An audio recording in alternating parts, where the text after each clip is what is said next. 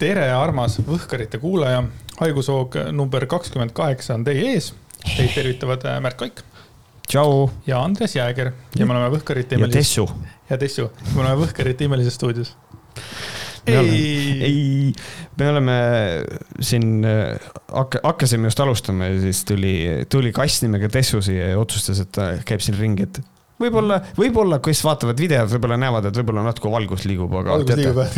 see on cute paneb okay. kardinad väga hullu ja ta on veits pahane sellepärast, et äh, mu abikaasa ei läinud temaga jalutama praegu, et siis ta üritab välja saada. see on rohkem, see on, see on pigem call out praegu siis abikaasa suunas põhimõtteliselt küll. kuidas meil läinud on? Eh, meil on läinud niimoodi, et äh, ma ei tea, ma käisin vahepeal äh, viimane, kõige, kõige suurem asi, mis mu elu, elus aset leidis, oli see, et ma käisin juuksuris ja siis enne seda nüüd laupäeval ma käisin õiglus kahevõtetel mm. -hmm. mis oli sihuke, mis oli huvitav kogemus. sa vist ei rääkinud sellest väga pikalt oma striimis sa, ma nagu ei kuulnud, et sa väga nagu laialt oleks rääkinud. ei, sest et ma olin just, ma olin just tulnud sealt ja siis ma kuidagi nagu olin pigem ähmi täis ja rääkisin muudest asjadest. aga okei okay,, ähmi täis, räägi siis äh,. Toomas Harjaga said tuttavaks? ja ma olen temaga kohtunud tegelikult ka õigluse filmi Esikal äh,, kus ta oli mul minuga hästi, kuidas ma ütlen, familiaarne minuga, sellepärast et ma kirjutasin talle, et kas ma saaks kutse võib-olla ta sealt pealt, ta otsustas, et see on okei okay minuga niivõrd familiaarne olla, millega mul noh, selles mõttes mul ei ole sellega probleemi, kui inimene hakkab minuga nullist rääkima, nagu ta juba teaks mind. seepärast ma tean, et mul, my face is out there ja võib-olla noh, on veits parasotsiaalne suhe. Ma olen sellega mõnes mõttes arvestanud. kusjuures sa kunagi ütlesid, et, et sulle ei meeldi see, kui keegi tuleb sind, sinuga juttu tegema, aga et on nüüd nagu hakkab sulle mingi maast ilmast rääkima, on nagu hullult familiaarne, et siis ikkagi mingid hetked on. mingid hetked on, siin on see ka, et see on muutunud natukene, sellepärast et noh, see on see, et mulle võib-olla alguses, mis mulle ei meeldi, on see, et inimene tuleb, hakkab minuga rääkima, et noh, et tegelikult reaalses elus me ei ole ju tuttavad ma ju ei tunne sind ja siis ta tuleb ja hakkab mulle rääkima kõik sellest, mida ta teeb ja kuidas ja kõik ja mingi sihuke, see on nagu see, et miks sa räägid seda mulle, ma ei, I don't know you. aga teisest küljest nagu, et noh, Toomas Härjaga seda ei olnud, et Toomas Härja lihtsalt rääkis, rääkis hästi palju küll, kuidas ta on, nad on mingit filmi kuidagi siin natuke, kuidas nad tegid ja nii edasi ja nii edasi. aga, aga et üldiselt nagu see, see mind enam nii väga ei häiri, aga loomulikult see oleneb, millest inimene rääkima hakkab. korra pean veel sind segama, mul, ma olin ka jõusaalis üks päev ja siis tuli ka üks äh, Äh, hästi armas tütarlaps tuli juurde, parasjagu olin seal mingit, kirjutasin mingit asja või, või midagi. ja siis äh, ütles, et umbes sorry, et ma niimoodi tülitan, aga ma olen nagu äh, fänn, et ma nagu, nagu võib öelda, ma olen natuke fänn, et, et, et. Et ma elan teie nagu selle perele väga kaasavat intiimset eraelust ja, ja siis Võhkaritele ka ja et, et mul isa kuulab ka Võhkareid ja mm.. ja siis, et mm, cool, et see, vot see on nagu see mingi eriline tase, kus on, on nagu kaks erinevat generatsiooni yeah. ma ei tea, kuulavad või vaatavad sama asja, et siis, siis saad aru, et see, see, mis ma teen, on see hea jah, mul on endal ka on sihuke, mul on alati tore kuulda, kui keegi räägib. Ja, ja mul on alati nagu see, et kui mul on äh, peale mingisuguse saate salvestust on nagu selline tunne, et huvitav, kas see tuli hea saade ja siis ma, ma nagu pärast striim'is keegi ütleb, kuule, ma kuulasin viimast saadet, ülikõva. siis mul on nagu see, et oh, väga hea, et nagu ma olen ise mõnes mõttes võib-olla natuke kriitiline, aga, aga kuulajatele tundub, et siiamaani meeldib, et vahva. Mm aga tagasi Toomas Harja juurde, õigluse võtjate juurde, palun. Ehm, põhimõtteliselt see nägi välja niimoodi, et äh, ma jõudsin kümme kolmkümmend, äh, jõudsin bussiga Tallinnasse. siis ma sain teada, et nemad tulid ka autoga Tartust. Äh, jaa, nad olid Zodiaagi peol, on ju. sest nad olid Zodiaagi peol.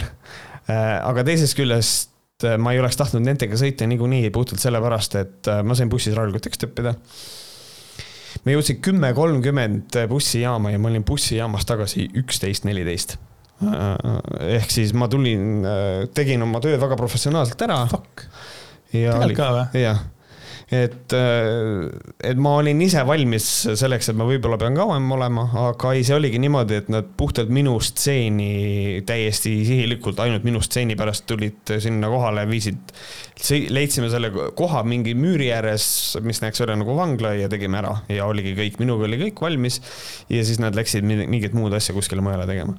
ehk siis see oli väga operatiivne, väga kiire ähm, režissööri tööd kui sellist äh, min-, mulle ei tehtud üldse. ma isegi, mind lihtsalt filmiti selle koha peal, kuhu ma ise seisin. aga teisest küljest nagu see antud, kuna ma mängisin nii-öelda uudiste nagu reporterit või korrespondenti, et noh, siis mõnes mõttes seal ei olegi nagu mingit väga suurt režiid nagu teha uh,. kuigi ma tunnen seda, et võib-olla inimene, kes ei oleks näitleja, oleks hädas olnud seal uh,, et siis võib-olla aga võib-olla siis oleks Toomas Äri ja võib-olla kuidagi nagu astunud, võib-olla natuke režiid ka teinud, aga ma ei tea. kaameraga, telefoniga filmiti? kaameraga, äh, mingi pisem kaamera, aga täitsa, täitsa korralikult. muidugi vahva oli see, et ma natukene sain võib-olla selle filmi tegemise, tegemise mentaliteedist aru, mis mulle tegelikult alguses ehmatas mind, aga pärast ma analüüsisin ja sain aru, et see on tegelikult hästi tore ja armas, mida nad teevad. et, äh, et noh, et ma jõudsin nende juurde ja siis nad tegid mulle rekvisiidiks mikrofoni, et no mis on minuga reporteri mikrofon. ja, ja, ja nad ütlesid, et noh, et neil tuli alles sõites meelde, et neil ei ole seda. ja siis ma mõtlesin, et noh, et kuidas on võimalik, et, et te selle peale üldse mõelnud ei ole, minu esimene mõte, aga ma pärast nagu sain aru sellest, et noh, et they are having fun, et nad ei teegi seda filmi nagu niimoodi, et nad mõtlevad kõik sada protsenti ette ja kõik nii, nüüd sinna on seda rekvisiiti vaja, nagu sa päriselt filmi teed. vaid ongi see, et neil on stseen olemas ja nad pärast mõtlevad, ah kurat, seda on vaja. et nende jaoks on see filmi tegemine hoopis teistsugune nagu kogemus või nagu teistsugune, nende eesmärk on to have fun ja ma leian, et see on tegelikult äh, mingi osa sellest aspektist, ma leian, on mõnede filmiproduktsioonide puhul võib-olla isegi puudu äh, nagu professionaalsete filmide tegemisel. no vaata, sa oskad seda vaadata niimoodi, et ma kujutan ette, et nii mõnigi näitleja, eks nendega, mida, võib-olla oleks minema kõndinud sealt, aga samas ma arvan, et võib-olla iga teine näitleja oleks ka sinna filmi läinud tunnistagem ausalt, et sul on hoopis teistsugune suhe selle yeah, õigluse yeah., kogu selle asjaga vaata juba algusest saadik olnud tegelikult minu arust see on sul, mulle tundub, et ta on sul aja jooksul veel nagu kasvanud, et kui sa kõigepealt nägid, siis oli nagu üks, aga minu arust nagu noh, iga, iga samm edasi kuni selleni, mis sa selle ära tegid, eks ole, ja, ja see noh, kõik see nagu ikkagi annab sulle mingit teist asja juurde, vaata mm. -hmm. et, et, et selles mõttes see on kultusfilm, õiglus on kultusfilm. nüüd nii palju, kui ma olen näinud kahte stseeni Õiglus kahest, mis mul on seoses HÖFFiga olen ma neid näinud ja ma olen nüüd ka näinud siis selle viiruse filmi ühte mingit lõiku. et siis nagu õigluse puhul on väga selge, et see, et see teine film ähm, mulle on jäänud selline mulje, et Toomas Harija ei ole absoluutselt muutnud oma mingisugust stiili või mentaliteeti ja see on hea. et ta ei tee sihukest Tommy Wiseau probleemi, mis oli, et ta tegi The Room'i ja siis The Room oli tegelikult, ta mõtles, et ta teeb super masterpiece'i, see tuli välja, see oli täielik prügi, aga ta oli naljakas ja ta oli selles mõttes nagu hea film. -hmm. ja siis, kui ta läks tegema ühte sarja siis ta kas sihilikult ähm, proovis teha nalja äh, uuesti. Äh, ta nagu, ta nagu sai aru, et, et noh, et halb asi nagu meeldis inimestele ja ta mhm. kuidagi proovis sihilikult halba asja teha. ja see oli lihtsalt täiesti väljakannatamatu saast Ehm, mis see oli, Neighbors vist või oli selle sarja nimi, aga mulle tundub, et Toomas Harija nagu väga ägedalt lihtsalt äh, jätkab nii, nagu ta jätkab ja kõik need vead, mis seal on, on naljakad. aga ma nagu armastan neid vigu, et need on toredad. viiruse filmi puhul olen ma natukene kriitilisem, sest et viiruse filmi puhul ma sain ka teada sihukest asja, et sellel filmil ei ole stsenaariumit. et see film on improvisatoorne ja et see on natukene, sellesse on vaja teistmoodi suhtuda, aga ma tahan näha seda enne kui mm. ma nagu sügavamalt sellesse nagu. okei aga selle Wiseau filmide puhul on see pull, et ma nägin Disaster Artistit ennem, kui ma nägin The Room'i. Disaster mm. Artist on vaata selle järgi yeah. tehtud nagu, mulle Disaster Artist väga meeldis, nagu see film oli nagu üliäge ja siis The Room'i vaadates oli kohe niisugune niisugune soe ja hoopis teistsugune tunne, et ma ei tea, kuidas see, see tunne oleks olnud, kui ma oleks kõigepealt ruumi näinud lihtsalt lambist ja ma ei oleks mm. teadnud, et see on kultus või mida iganes, vaata mingi suva nurga alt näinud, et, et seda. jalgpalliga oled kursis? Tead, ma ei huvitu jalgpallist üldse, aga mind kuidagi nüüd kisti sinna sisse. küll minu striimi ajal, sest et siis juhtus õnnetus selle ühe, noh, terviserikke selle ühe jalgpalluriga, pluss siis äh, mul oli eile oli naisega sihuke deidipäev, kus me käisime koos kahekesti juuksuris ja siis pärast vaatasime jalgpalli koos et, et, et olen nagu natukene nagu vaadanud mm. -hmm. ega me jalgpallist muud ei tahtnudki rääkida, kaks äh, nagu võib-olla huvitavamat seika olidki seesama, mis sinu striimi ajal juhtus, see Kristjan Erikseni kokkukukkumine mm, -hmm. mis oli tegelikult äh, päris hull vaatamine, ma ei tea, kas sa striimis seda nagu vaatasid ka otse või, või? ma ei vaadanud see... seda, sellepärast et mul oli kohe see, et ta kukkus kokku ja siis mul oli üks osa minust on nagu see, et võib-olla austus selle inimese vastu, kes nagu kokku kukkus, et noh, et et noh, niikuinii kritiseeriti ülekannet ka, et seal äh, küll see juhtus kogemata, oli see, kus kohas äh, nagu elektrišokki, kui talle anti, et see kuidagi läks eetrisse, mis oli nagu väga suur läbikukkumine ja väga kurb, et sihukene asi juhtus, aga, aga ühesõnaga nii nagu läks, et ma ei, ise ei tahtnud seda näidata. pluss veel tegelikult seal on see nüanss ka juures, et ma kunagi ei tea täpselt, et sellise asja juures, et võib-olla see on midagi nii võigast, et võib-olla see on lihtsalt, ma ei tohikski seda näidata mm.. et aga ei näidanud, vaid lihtsalt olin kursis sellega, mis juhtus, jah. vaata, nüüd ongi, vaata praegusel ajal me elame, kus on Netflix, on ju ma kohe jõuan Bondini, kus on Netflix ja iga inimene vaatab mingit oma seriaali või mingisugust oma asja omal hetkel, eks ole, vaata, kui oli vanasti oli tavatelevisioon yeah., siis oli nagu, no mis iganes meil oli, mingi superstaari saade või mis iganes, et sellel samal hetkel inimesed vaatasid kõik korraga, inimesed said seda täpselt sama emotsiooni äh, nagu samal hetkel, onju. noh, vahet ei ole, kas oli Eesti või oli välismaa X-Factor või mis iganes asjad, vaata need tavatele, tele, telekas oli, onju. ja, ja jalgpalli MM on ju, või seekord EM tähendab, et jalgpalli see teema on nagu laias laastus on nagu siis pool maailma või kurat teab, kui palju on samal ajal täpselt samas kohas, onju. ja praegu mul täpselt kui see hetk oli, siis ma pidevalt tabasin ennast mõttelt, et kogu maailm on praegu täpselt samas kohas ja samamoodi mõtlevad mida, mis nüüd juhtus, kuidas mm -hmm. reageerida. ja, ja tegelikult noh, see, see oligi päris šokeeriv tegelikult, see, see näha, kuidas see vend seal lihtsalt seal maas oli ja see, kuidas ta silmad nagu läksid punni ja siis kukkus lihtsalt pikali ja, ja kus asi ja see, kuidas mm, kommentaatorid ei osanud mitte midagi teha, siis mm. pandi pilk, pilt, siis on nagu Eesti, Eesti Televisiooni omas, pandi siis pilt sinna stuudiosse, seal täpselt samamoodi nagu ma nägin, et inimesed, kes seal olid seal eksperdid, need olid ka šokis ja, ja ma kujutan mm -hmm. ette, et see oli, ma arvan, et kogu maailm hingas ühel hetkel samamoodi yeah.. et siis mul tekkis huvitav äh, võrdlus, mu peas käivad imelikud mõtted äh, nagu sellise nagu äh, Estonia katastroofiga, et kui Eestis on sihuke asi, et, et, et, et noh, kas sina mäletad, kui juhtus, kus sa olid, kui juhtus Estonia katastroof, on ju? et noh, ütleme, et et see on umbes samasugune hetk, et mingi aja pärast küsitakse, et kas sa mäletad, kus sa olid, kui see, kui see tüüp kukkus sinna pikali, vaata kogu maailm hing oli kinni. Mm -hmm. et, et see oli, mulle tundus, see oli nagu nii suure kaaluga mingisugune asi, et see oli nagu what the fuck is going on here. jah, eks ta vist niimoodi oli. Ja siin on nagu, see on asi, mille, mida ma nagu pärast, noh, ma ei teadnud seda veel striimi striimi lõpus, ma sain nagu järgmine päev mulle, sest et siis mul abikaasa ütles, et noh, et teda tegelikult, talle tehti seal elektrišokki platsi peal, eks ole et siis on nagu see, et see ei olnud lihtsalt see, et tal oli terviserikke, ta kukkus kokku, ta suri ära platsi peal. Mhm. ta jooksis ja ta suri ära ja siis ta, ja siis ta elustati, mis on, see on täiesti õudne asi. ja, ja mõnes mõttes tekitab see minus nagu selle, et, et, et noh, see, see, see on see tippspordi asi, et, et nagu kuidas, noh, me kasutame sihukest terminit nagu Liisa kasutas ka seda, siis ma tegi, küsisingi ta käest, hästi huvitav vestlus oli, et. et noh, et sa oled nii valmis, eks ole, sul on EM ja siis su keha veab sind niimoodi alt. ja siis ma mõtlesin seda, et aga kas, aga kas ei ole vastupidi, kas tema oma keha ei vedanud alt? et ta on nagu ennast nii viimase piirini pingutanud ja teinud nii palju trenni, et ta süda ei pea sellele vastu et nagu see on mõnes mõttes nagu kahe otsaga asi. et nagu ja see on tippspordis üldse, ma saan aru, et see südameprobleemid on, ei ole nagu mingisugune väga haruldane asi, et see kipubki olema probleem. et see on tegelikult õudne, mida inimesed nagu teevad, et inimesed pingutavad nii palju, et nende keha ei pea vastu. see on tegelikult räige ja siis sa sured platsil ära, see oli, ma nagu, ma nagu terve eilse, ma ei mäleta, mis mängu me vaatasime, see oli vist äh, Slovakkia ja Poola mängu vaatasime. ja siis oli see, et äh, siis ma, pool seda mängu mõtlesin, et täitsa perse, inimene jooksis pallile järgi, suri ära, siis äratati uuesti ellu ja siis ta ütles oma tiimikaaslastele, et mängige edasi mm..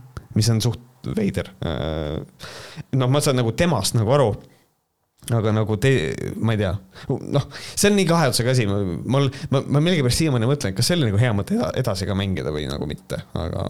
no Taanile mitte. Taanile kindlasti mitte jah ja., et noh, et see on sihuke huvitav aga jah, mu korra nagu tõmbas ka ära, kui need ülekande inimesed hakkasid rääkima, et ei, kui ta nüüd ära sureb, on ju, siis võib-olla on üldse sellel jalgpalli EM-il nagu kriips peal ja nii edasi ja siis me nagu Lemmega olime eriarvamustel, et minu, minu arvamus oli see, et noh, et, et nagu see võiks siiski edasi käia, kogu see EM, eks ole, eks ole. aga emme umbes loogika oli ka see, et noh, kui ikkagi inimene ära sureb, on ju, siis see on nagu nii suur asi. aga ma hakkasin kohe teise asja peale mõtlema, et kui ikkagi seda on nagu valmistunud, et, et äh, no sajad jalgpallurid äh, kaks-kolm aastat on asja edasi lükatud või no, mitte edasi lükatud, vaid nagu kaua need on mänge mängitud, pluss siis veel nüüd, kuna ta üks aasta mm -hmm. edasi lükkus. ja kõik see, et no kõik on oma töö ära teinud, et kas nagu kõlab veidralt, aga kas sellepärast oleks vaja nagu siis nagu turniir ära lõpetada, on ju ja. see on huvitav küsimus, jah. ja selles mõttes, et ma kindlasti arvan, et noh, et see, see, see oli nagu väga tõsine asi, et noh, selle vastu ma elu sees ei vaidlegi, onju aga ongi küsimus, et kas nagu, kas siis, kas see teeks nüüd kuidagi siis nagu jalgpalli maailmale ja maailmale nüüd head kuidagi või, või kas see tüüp nagu siis tahaks seda, et ärge nüüd enam ühtegi mängu minu pärast enam mängige või mis iganes, et. aga noh, see on lihtsalt minu väiksed siuksed mõtted. nojah, see on noh, ilmselt see oleks, see asi oleks tulnud lahendada niimoodi, et ikkagi kõik osalejad saavad nagu nii-öelda oma sõna öelda, mida mm. nemad arvavad ja ju see asi, aga noh, õnneks, õnneks ta nagu taastus nägin pealkirja äh, süvitsi ei lugenud, et äh, mis kardioloog ütles, et ta tõenäoliselt ei mängi jalgpalli enam mitte kunagi. aga seda ma ei tea, aga seda teist asja, mis me nüüd jalgpallis, mida sina, millest sina räägid, seda, sellest ma ei ole üldse teadlik mm. -hmm. see oli väga sihuke huvitav situatsioon, et oli Austria mäng ja Austria äh, üks tüüp nimega Marko Arnato Arnautoviki või mis iganes ta on. ma ei tea, Marko, Marko, Marko. lõi värava ja, ja järgmine hetk ta näitas äh, seda okei okay märki siis. Yeah.. nagu sinna, ma ei tea, kas siis nagu äh, vastaste poole või, või rahva poole või kaamera poole, mis iganes, no ma nägin ka, et ta näitas seda. ja siis äh, mõned sekundid hiljem jooksis Austria tüüp ainukene mustanahaline Austria tüüp, kes seal nagu samas meeskonnas oli, tuli ja võttis tal kaelast kinni ja surus seda, lükkas seda, äh, seda, seda tüüpi, kes värava lõi. ja, ja seal oli nagu see situatsioon nii veider, et mul on tunne, et kas nagu Eesti kommentaatorid ei tahtnud aru saada, mis seal nagu juhtus. või siis nad ei näinud või nad ei saanudki aru, et, et ma ei ole nagu väga sellest kuulnud ka, aga see on ju seotud äh, valge. see on, selle asja ajalugu on hästi naljakas, sellepärast et tegelikult äh, see nii-öelda see hea tuju märk, see, äh, et, et see tähendab white power'it. see tegelikult, see algas 4chanis, äh, sihuke online kommuunis, see on tegelikult, see hakkas trollina. selline nali ehk siis see on nagu see, et see on kaks siis V ja siis on P, VP, white power, eks ole. ja aga mis ajal, mis nagu, mis nagu vaikselt juhtus, oli see, et see imbus niimoodi sisse, et niisugused neonatsid ja alt-right'id inimesed hakkasidki seda selle mõttega nagu näitama. aga kõige nõmedam ongi see, et ähm, üldise, üldises plaanis on vaja aru saada sellest, et väga paljud inimesed ei saa nendest märkidest aru, mis on ka asi, millele nagu tegelikult äh, siuksed äh, natsikutsikad ka väga palju pretendeerivad, et nende mingisuguseid žeste, mida nemad kasutavad hoopis teises tähenduses kasutavad teised inimesed ka. et, et nad nii-öelda peidavad oma need, oma salajased väikesed nagu, see tähendab white power, nad mm. peidavad need muude asjasid, asjade sisse ära. aga siin on nüüd, siin on nüüd, minul tekib puhtalt selle pealt see küsimus, et seda, et ta talle kallale tungis, siis minu esimene mõte on see, et et kui, nagu ma aru sain, siis see on tiimikaaslane. aga äkki, kurat sa ei lähe tiimikaaslasele lihtsalt kallale, et ta noh, et, et isegi selles mõttes otse loomulikult mustanahaline olla on ikkagi tänapäeva ühiskonnas natukene keerulisem kui valge nahaga, eks ole, oleneb, kui ma ütlen nüüd natukene, please don't don't misunderstand me, et nagu see oleneb sellest, kus kohas sa elad, eks ole. aga kindlasti on nagu keerulisem. aga mul lihtsalt tekib see küsimus, et äh, miks ta talle kallale läks kui, kas ta üldse ei arvestanud selle variandiga, et tegu võis olla lihtsalt see, et läks hästi või ta näitas head või märki. või on see, et äkki selle tüübil on päriselt mingisugune probleem mustanahalistega. või on äh, asi selles, et mina lugesin seda asja valesti, mis seal juhtus. ma ei ja, kuulnud võib-olla võib, mis nemad seal omavahel karjusid, sellepärast et kui ma üritasin täna nagu, sest ma nägin seda hetke otse telekast ja rohkem ma sellest ei kuulnud midagi. ma ütlesin Lemsile, kas sa nägid, mis praegu juhtus või näidati seda äh, valge äh, power'i märki, eks ole, ja siis ainukene must mängija, kes seal oli oma meeskonnas meeskonnast läks sellele kallale, võttis kaelast kinni, hakkas lükkama seda, et nagu mida sa mm -hmm. teed, mis sa teed. nagu ma selgitasin Lemmele seda asja nii, et see on seotud sellega. võib-olla ei ole. võib-olla kogu, võib-olla see oligi okei okay, see, see, see tüüp ütleski midagi muud. ma ei, ma ütlen, et ma ei tea seda. minule tundus see niimoodi, sest täpselt toimus sekundiga, miks see vend hüppas kaela ja miks niimoodi, et noh. sa kohe otsid, üritad nagu leida või? ja ma, ma lihtsalt taustal võib-olla natukene võib-olla uurin, et nagu miks see asi nagu aset leidis mm. -hmm. mulle tundus see igatahes selline väga ekstravagantne asi jälle, mis. no selles see... mõttes asjade kokkulangevus on tegelikult hästi huvitav mm, -hmm. et nagu selles mõttes ta näitas nagu nii-öelda seda. mina ise loodan seda, et me saame sellest Äh, White Poweri väidetavast märgist me saame sellest kuidagi üle ja me nagu ei pane sellele külge nii suurt nagu, nii suurt jõudu, aga noh, vaatame no,. samas kui Ruuben Kaalep seda tegi äh, Riigikogus, siis sa ju tegelikult äh, ikkagi arvasid, et see oli teadlikult tehtud ju ja mida ma mõtlen, on see, et, et kui keegi näitab seda, siis me ei eelda, et tegu on rassistiga. et kui Ruuben Kaalep seda näitab, siis True, sellel on teine kaal see on hea tähelepanek, jah. et noh, et ees, eesmärgistatus on pigem minu küsimus Mm -hmm. aga rohkem ma nagu praegu sellega edasi ei tegele selle otsimisega, et. ja, ja noh, jalgpallijutuga on hetkel kõik ja, ja ma olen ma olen ise nagu väga üllatunud iseendas, et ma olen nagu niivõrd huvitatud sellest asjast see aasta, et mm, -hmm. et ma olen liiga palju teleka ees vahtinud, et vahepeal tunnen ennast nagu mingisugune slobody fuck lihtsalt seal teleka ees. ega, ega kui ma ütleme, kaks mängu ära vaatan, ega kolmandaks mängus ma püsti ei viitsi tõsta, tõusta selles mõttes, et, et kaks varianti, kas ma vaatan või ei vaata, ma tunnen, et mul on kõigega niimoodi, et on alkoholiga, on sigarettide, kõigega, kas ma teen või ei tee, mul on, jalgaga vist välja viskama. või šokolaadiga. šokolaad kindlasti, absoluutselt. Wife, bring beer, I watch football. just, just, just, just. nii, siis Lähme kiiresti edasi, saime ühe kirja äh, kiri on selline, tere, olen teid kuulanud algusest peale, Andreast äh, ka veel Herilase pesa. alguses oli väga huvitav, ka minu arust olete kinni jäänud äh, Kris Kala ja Varro teemadele, et saite oma seisukoha välja öelda, võiks edasi minna. vaadata laiemat pilti, mis üldse avalikus ruumis toimunud ja nii edasi, keep going.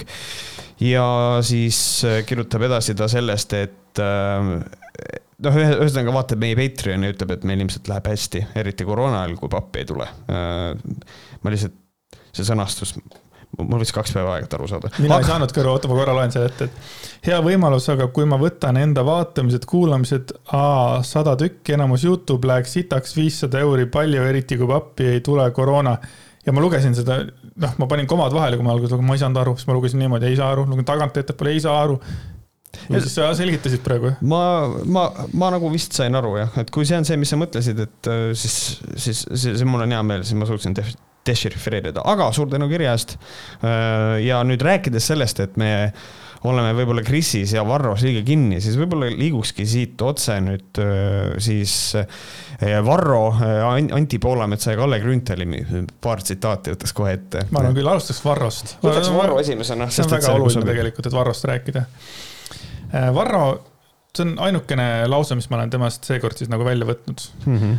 just vabadust silmas pidades peaks perekondadel olema õigus lahendada oma sisemisi probleeme, ilma et need laotatakse avalikkuse ette. probleeme on kõigis perekondades, aga enne õiguskaitseorganite sekkumist peaks olema ruumi ka andestusele ja soovile raskustest hoolimata välise sekkumiseta eluga edasi minna uhuhuu. ühesõnaga, me räägime perevägivallast mm. -hmm et siis põhimõte on selles, et kui on, ähm, kui üks elukaaslane peksab näiteks teist või lapsi, siis tegu on peresisese probleemiga ja peaks andma võimaluse neil sellega ise nelja seina vahel tegeleda, selle asemel, et keegi peaks sekkuma.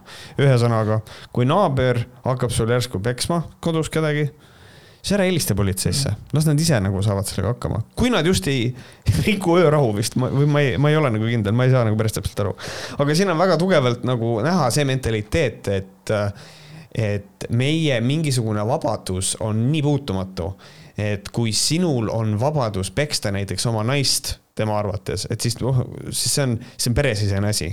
mis ongi nagu perevägivalla probleem Eestis on see, et sellest ei julgeta rääkida, inimesed ei teavita ja kuna reeglina on ohvrid ka naised muidugi see, see, see dünaamika võib olla ka vastupidine, siis see, kes on nii-öelda ohvri positsioonis, seda inimest manipuleeritakse niimoodi, et ta ei kaebaks ka kuskile. ehk siis nagu selle probleemiga, mida ma tahan öelda, on see, see, mida Varro räägib, see tema mentaliteet, see tema seisukoht Eh, pisendab perevägivalda, see hoiab perevägivalda elus ja selline suhtumine on vaimselt haige minu arust.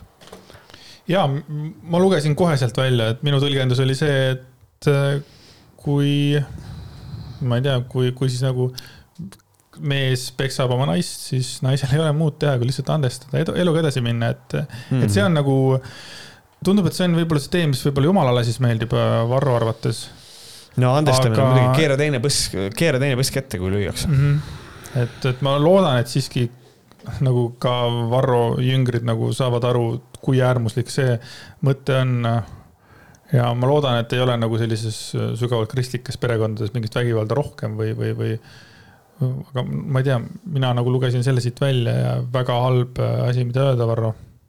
see on, see on ikka väga halb jah, et, et nagu selles mõttes, kuigi tuleb, tuleb tõestada seda, et või tõestada, tuleb nagu tõele aru anda siin, et tal on nagu, see on palju filigraansemalt sõnastatud kui see, mis ta on, Mart, kes see EKRE oli Tallinna volikogu ees mm Mhm. -hmm. otsas, et tema ütles ju selle mm, kes äh, siis Kuusiku kohtuasja suht- suhtes oli see pealine, peamine nii-öelda, kes Jaa. ütles, et et sellel naisel on nii kurjad silmad, et ta ei imesta, et sellele peksa anti. ja nüüd on nagu see, et noh, kus ta ütleb, et noh, et mõnel naisel on selline nägu, et teda võib lüüa, ühesõnaga mm. -hmm. Varro statement ja nüüd selle Mardi statement, need ei ole väga erinevad üksteisest. Need, need seisavad sama asja eest, aga Var-, Varro sõnastab selle filigraansemalt niimoodi, et see kõlab süütumalt ja puhtamalt. et äh, räägime andestusest, räägime sellest, et nad, ta justkui tõstatab siin selle, et nagu probleemiga tegeletakse. aga eh, kui on nelja seina vahel koduvägivald, kus on jõudünaamika, kus üks on teisest üle ja peksab teist, siis selle pro probleemiga ei, mitte ei tegeleta, aga see probleem lihtsalt eksisteerib, see peksmine toimub edasi. seal ei ole mitte mingisugust eh, muud. igas, igas peres on probleeme, noh.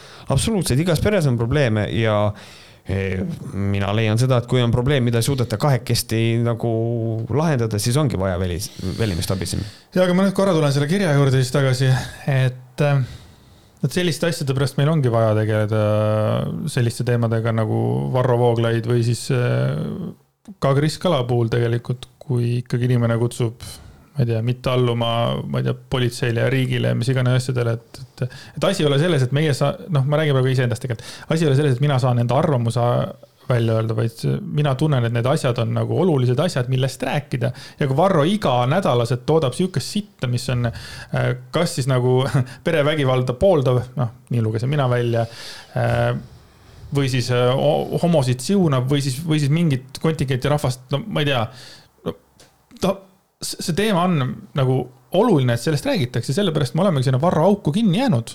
ja, ja ma arvan, et, et, et ma tahan Varro augus veel olla selles suhtes. väga hea.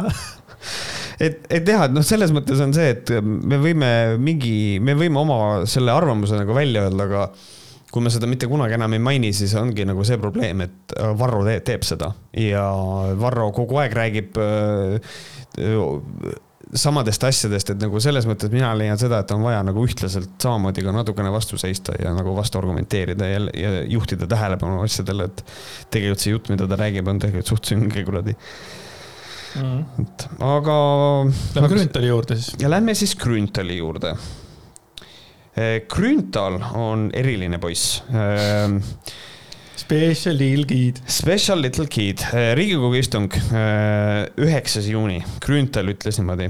kuna Jürgen Ligi siin kasutas praegu siin väljendit, et Kalle Grünthal ajab midagi sealt suust välja, tähendab, ma pole midagi sealt suust välja ajanud, aga see on tema arusaam asjast. siis ma pean meenutama ka Jürgenile seda, et Kuma raadios sa ütlesid, et Grünthal peksab segast.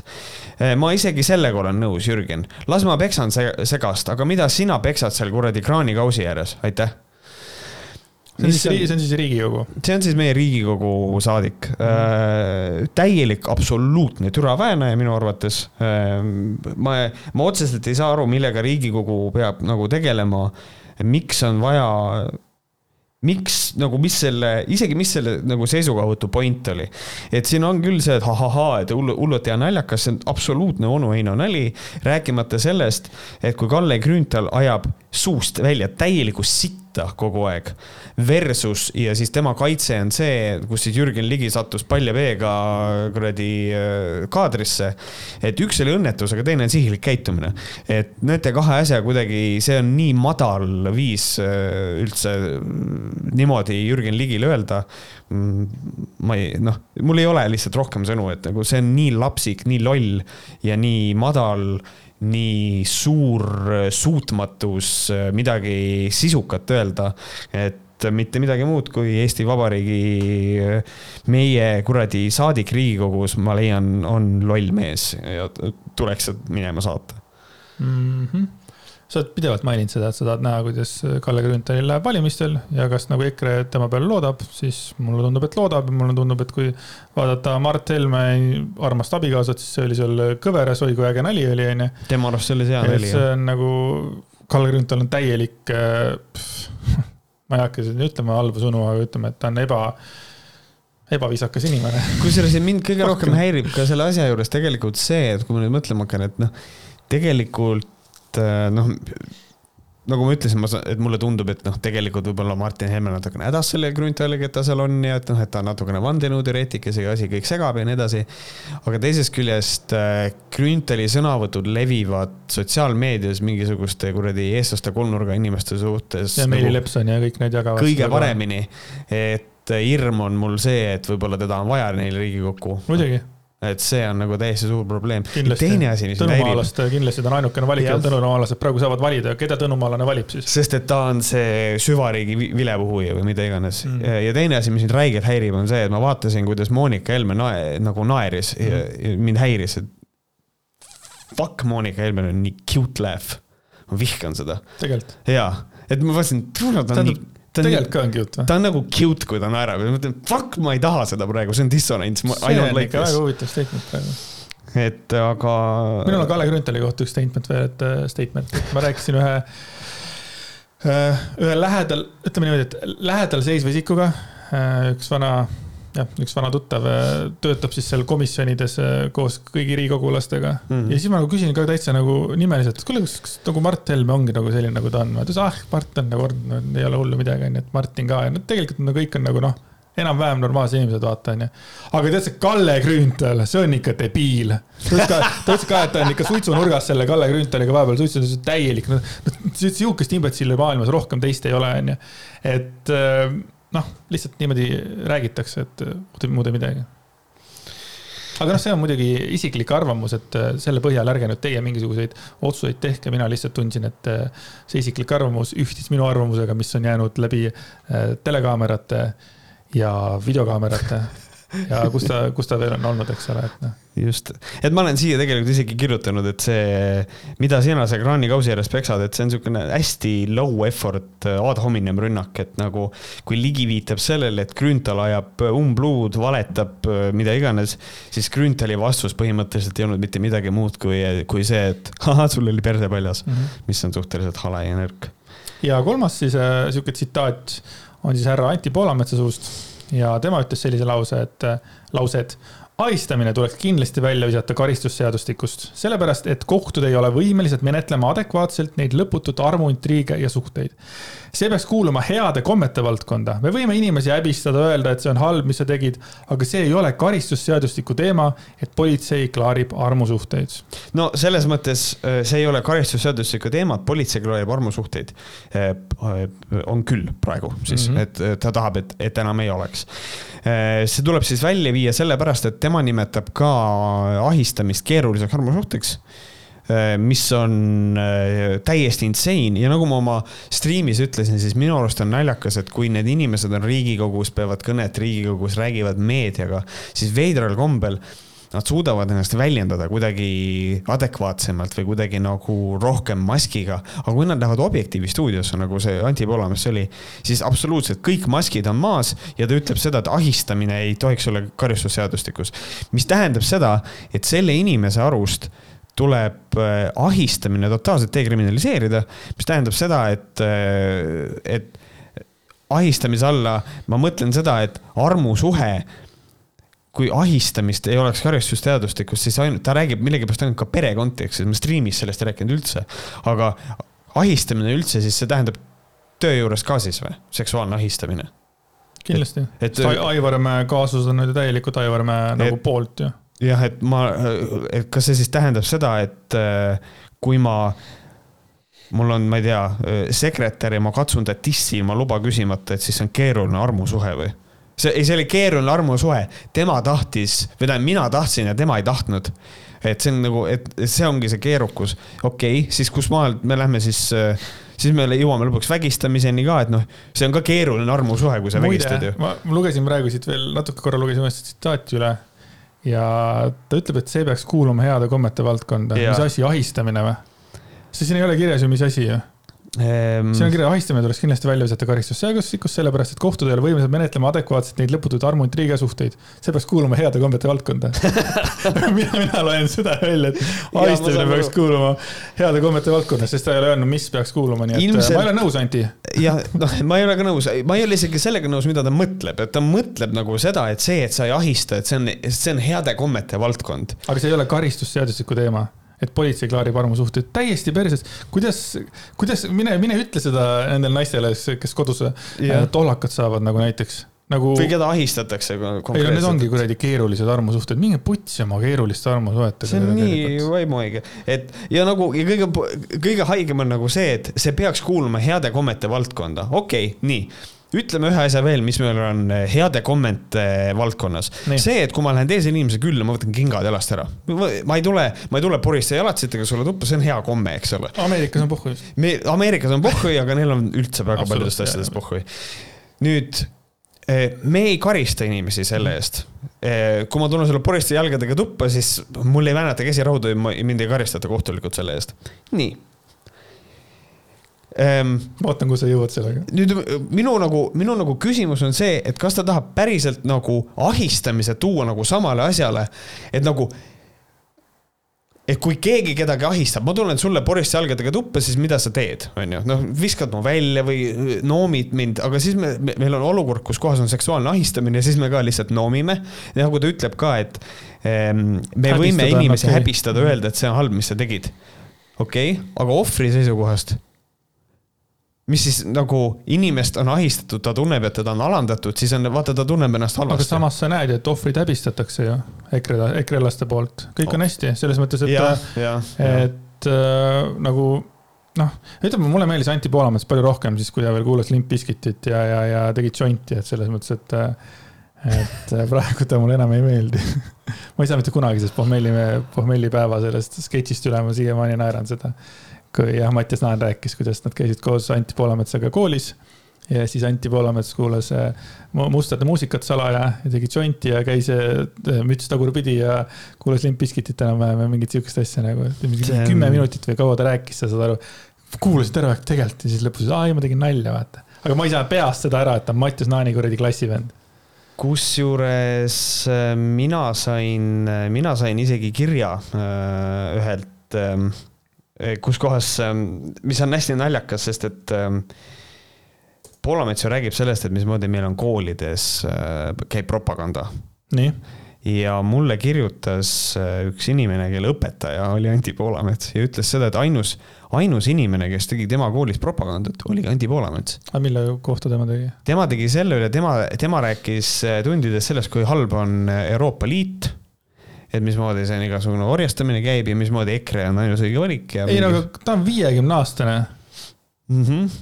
mis koolis ta käis, täiskasvanu gümnaasiumis või? ei, ta oli õpetaja. aa, Anti Poolamets oli Anti õpetaja. Poolamets on nagu ka õpetaja, õpetajana jah. et ta on. ta on nagu Hannes Võrno siis või? ta on pikki monolooge mingitest oma eluvõtetest või? karta on jah, et vähemalt, vähemalt siukse kirja ma sain, et, et sellel inimesel on olnud Anti Poolamets õpetaja, ütles, et nagu, et see on hästi, et see, see on hästi irooniline, et Anti Poolamets räägib koolis propaganda tegemisest, kui ta ise teeb seda ka nagu või noh, tegi. Ma ei tea, kuidas selle seisuga nagu selle praegu. kohta oleks öeldud, me ei tea, kas see vastab tõele, aga jah, aga ma, ma sain info otseallikast, et. aga ma ei imesta üldse, et noh, et selles mõttes me ju teame, et Anti Poolamets ju juhtis Euroopa Liidu sinna liitumise vastast kampaaniat, et noh, see on täiesti ja täiesti reaalne ja võimalik. mm.. aga nüüd keerame täitsa ümber ja, ja siin on üks niisugune väikene arvamuslugu, mis ma mõtlesin, et see oleks nagu päris armas ette lugeda. ja see on siis Pere ja Kodu ajakirjast ja, ja see on üks väga pahane, siis nagu beebiema, ütleme niimoodi. ma soovin, et sa saaksid endal tulevikus kolmikud et kui sind ühel päeval õnnistatakse pärast kõike seda lastega, mõistad sa, kui vastik teistega mitte arvestav kodanik oled sa olnud kõik eelnevad aastad ja kui raske on sinu pärast olnud sadadel emadel et sa siis teaksid keset ööd, mis tunne on suure vaevaga magama pandud beebiga kogu trall, tralli uuesti alustada või veel hullem, neil kriitilistel olulistel uinumishetkedel ehmuda oimetuks, sest sinusuguste arvates on ülilahe, lausa kosmiliselt isane tunne, tühjemal linnaristmikul öösel kiirendada, oma mehisust ja tsikli võimsust näidata, sumps paukumas ülimast masina piinamisest. Ma soovin, et sa saaksid lausa kolmikud, et igaüks neist erineva heli peale ehmatusega ärkaks ja saaksid tunda, mis tähendab koos ehmunud beebiga, beebidega, unesegaselt koos nutta pea iga öö suvekuudel, ise väsimusest kokku kukkumas, sest hea uni on kõigil häiritud sajast muust tegurist hoolimata veel lisaks sinusuguste pärast. et sa teaksid, mis tunne on kui väsimuspinged aina kuhjuvad ja kuhjuvad, kuni ainus, mida jaksad, ongi nutmine. Ei, aitäh, ma ei taha metsa elama minna, kus äh, vaikus ja linnulaul kogu aeg on, mida sa praegu mõtled ilmselt, kui end puudutatult tundsid. ma armastan linna ja seda melu. mu laps magab kenasti päevase liiklusmüra taustal, aga ma tahaksin lihtsalt, et sina ei käituks siin öösel nagu puurist pääsenud metsaline, vaid arvestaksid ka teiste inimestega, kes sind ümbritsevad. ja see tekitas minus nagu, kui ma nägin seda artiklit, tekitas nii palju nagu äratundmist, nii palju rõõmu ja, ja seoses sellega, mis me ka Patreonis rääkisime, kus on, kus on kümme väikest sithole'i, vaata yeah.. siis on, no kujutan ette, kui pahane veel äh, proua sithole veel selle peale on, kui tema kümme väikest. Äh, kümme last ärataks üles. täitsa perses. aga noh, ma, ma saan täiesti hästi aru sellest äh,, ma ei seal kahjuks ei olnud kommentaare, ma kujutan ette, kuidas juba tegelikult tsiklimehed või nagu mingid inimesed on nagu ülivihased sellise asja peale nagu, et kes sa oled enda arvates. aga, aga nii on jah nojah, ma saan nagu, ma, ma saan absoluutselt aru sellest, et me ei saa lihtsalt inimesele öelda, aga, aga mine, aga, aga mine siis minema, on ju, et me, küll aga siin on veits see mõte on, et noh, kui sa elad linnas, siis on teatud asjad, millega sa pead arvestama. ja üks asi, millega sa pead arvestama, see, et on inimesed, kes on absoluutselt ja täielikult värdjad. et, et ma nagu, ma nagu saan aru, noh, ma olen ise ka selles mõttes. ma ju elan ka ikkagi suhteliselt kesklinna lähedal ja ma kuulen iga öö et kellelgi on vaja eh, õudselt kiirendada. Eh, kellelgi on vaja kummi vilistada, et nagu see on väga levinud probleem ikkagi. et, eh, et see on üsna, et see on üsna veider jah, et ma ei tea, kas meil on kas meil on liiga kallid need või kas meil ei ole Tartus või kuskil või me, kas meil peaks olema mingid ringrajad, kuhu võib mingil ajal tasuta inimesi sisse lasta, siis las sõidavad või? ma mõtlen jällegi selle peale, kui vabastav võis olla sellel äh, inimesel seda kirjutada, vaata, kes on ülivihane, sellepärast et, et suure tõenäosusega tõesti äh, mingisugune motovend kuskil läheb, laps saab just magama ära, laps on üleval, persses jälle. et äh, ma tean väga hästi seda tunnet, kui äh, laps jääb magama sa oled, ütleme, kustutanud teda mingi, ma ei tea, tund aega magama, teinud igasuguseid trikke ja siis kuskil mingisugune asi juhtub ja laps ärkab üles, hakkab nutma ja kogu sinu töö nagu lendab nagu vastu taevast. sellepärast mul ongi kogu see laste teema on jube nagu südamelähedane mm. -hmm. sest ma nagu tunnen ära seda, vaata, ma muidugi ei ole nii vihane, sest ma õnneks ei ela sellises kohas, kus niisugune möll on, aga see on the worst thing ever, kui sa lapse magama ja siis toimub ärkamine, mitte millegi muu kui mingisuguse debiiliku pärast mulle meeldib, vaata, siin ongi see, minu arust on see nii naljakas, et nagu siin on näha emotsioon. inimene peab olema väga-väga vihane mm, -hmm. kui ta kirjutab lause lausa kosmiliselt isane tunne. Mm -hmm. nagu see, see on nagu sihuke väljend, mida sa kirjutad, kui sa oled vihane, kosmiliselt isane et see on. kuidas kasutada, et minu arvates on, mulle tundub, et Kalle Grünthal on kosmiliselt isane vend. mulle tundub, et ta on kosmiliselt loll seda ka, aga ma tahtsin kasutada kosmiliselt isane vot, et ühesõnaga, ma ei tea, mina, ma selles mõttes kirjutan alla, et nagu ma ei näe põhjust, miks sa peaksid öösel kiirendama väga. et äh, ei saa nagu aru, noh, selles mõttes ongi, miks ei osta inimesed endale odavamaid, lihtsamaid, kergemaid äh, autosid, mis neelavad vähem bensiini ja ei sõida normaalselt. kas sa ei ole mõelnud kordagi tegema mootorrattalubasid? ei Ehm, põhjus on selles, et ma ei taha uuesti autokooli minna, ma ei taha uuesti. Ja, teine osa on see ka, et auto on ohutum liiklusvahend. mul ei ole ratast kuskile panna. Ehm, ja, ja mul on hästi palju põhjuseid, aga esimene on see, et ma ei tunne, et ma tahaks mootorrattaga sõita. teine küsimus sulle, kas sul on kunagi olnud äh, mõtet, sa tahaks relvaluba, relvaluba omada või relva omada? haa ei ole vist ma ütlen vist sellepärast, et võib-olla nooremana kunagi võib-olla ma mõtlesin, et võib-olla relva oleks hea omada, aga, aga ei, ma ütlen, et ei, ma ei tunne, et mul, et mul peaks olema, vähemalt praegu mitte, oleneb, kuidas meil see riigikord edasi läheb, et äh, kui meil on riigikogus ainult inimesed, kes räuskavad ja süüdistavad üksteisest sellest, et neil on perse olnud kunagi paljas, siis võib-olla see üldine intellektuaalne tase läheb nii alla, et võib-olla on vaja relvaga ennast kaitsta, aga noh, see on juba nali, et selles mõttes ei, ma, ma tunnen, et ei. Mul on sellised kahetised tunded jälle, et mina olen mõelnud selle peale, et ma tahaks relvalubasid teha. Aga ma ei ole kunagi nagu läinud sellega nagu lõpuni, onju. aga teistmoodi mul on nagu hästi vastik näha, et see, ütleme, see ameerikalik stiil, kus on inimeste relvad, onju, rääkimata sellest, et just täna Varro Vooglaid tegi postituse, kus kõik minge tehke relvalubasid ja võtke enda relvad, eks ole, et et see tundub noh, kuidagi nagu see, see nagu võtab mul nagu maha seda nagu seda tahet, et, et yeah. et see, see perekonnakaitsetunne mul nagu iga päevaga läheb tugevamaks, ma ei saa midagi sinna parata. Äh, värske isana, eks ole, et siis nagu noh. jah, see on niisugune, see on niisugune kahe otsaga asi, et ma olen nagu selle relva omamise pealt suhteliselt nagu niisugusel liberaalsel seisukohal, et nagu kui inimese, kui inimesele mingil põhjusel meeldivad relvad ja ta tahab käia lasketiirus või et tal oleks relv olemas, siis nagu ma ei, ma ei näe seda probleemi. aga, aga ma nagu ise ei ole suur relvafänn teine mõte, mis mul oli see, et vaata, kui sa oled näinud uudiseid siin, et siin oli uudis, et Andrei Zevakin käis kuskil peol turvamehega või kuskil käis turvamehega mm. -hmm. siis järgmine uudis oli, et siin paar päeva tagasi Brigitte Susanne Hunt käib äh, pidudel turvamehega, onju. kõige pullim on see, et ma mõtlesin juba mitu kuud tagasi, ma mõtlesin, et ütleme, kui järgmine aparaadio tuleks, onju või kui tuleks mingi kunagi mingi podcast'i festival, ma mõtlesin, et tahaks nagu, nagu pulli pärast kaks kõige suuremat turvameest meile nagu sinna taha kõndima panna, vaata, et me oleme mm -hmm. nagu mhm. nii paljusid inimesi nagu vihastanud, et nagu, et, et lihtsalt selline, et teeks nagu mulle tundus see nagu sihuke naljakas mõte, onju. ja nüüd see on mult ära võetud. sellepärast, et Andrei Zevakin ja Brigitte Susanne Hunt on endale mõlemad juba turvameestega kuskil mm -hmm. käinud. see on nagu meh, onju. et äh, ma ei tea, selle tegemine nüüd enam ei ole nii fun jah yeah., thanks for ruining it. nagu kurat, ära, keerasite sellega perse. vot, aga ma arvan, et nüüd võib-olla võiks natukene, natuke minna Soome või? ma arvan küll. et natukene minna Soome. kes Soomes jooksevad kes Soome jooksevad?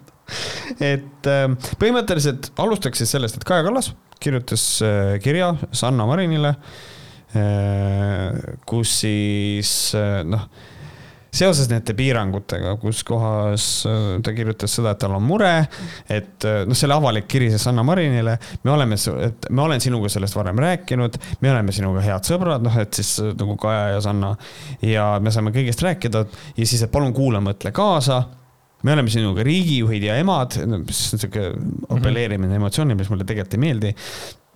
ja siis ähm, põhimõtteliselt ta jõuab selleni, et sellest on nüüd ähm, et põhimõtteliselt enamik, et noh, et, et Eesti, et väga palju Eesti nii-öelda, kuidas ma ütlen siis, Kalevipoegased, kes käivad Soomes tööl, on nii-öelda Soomes praegu kinni.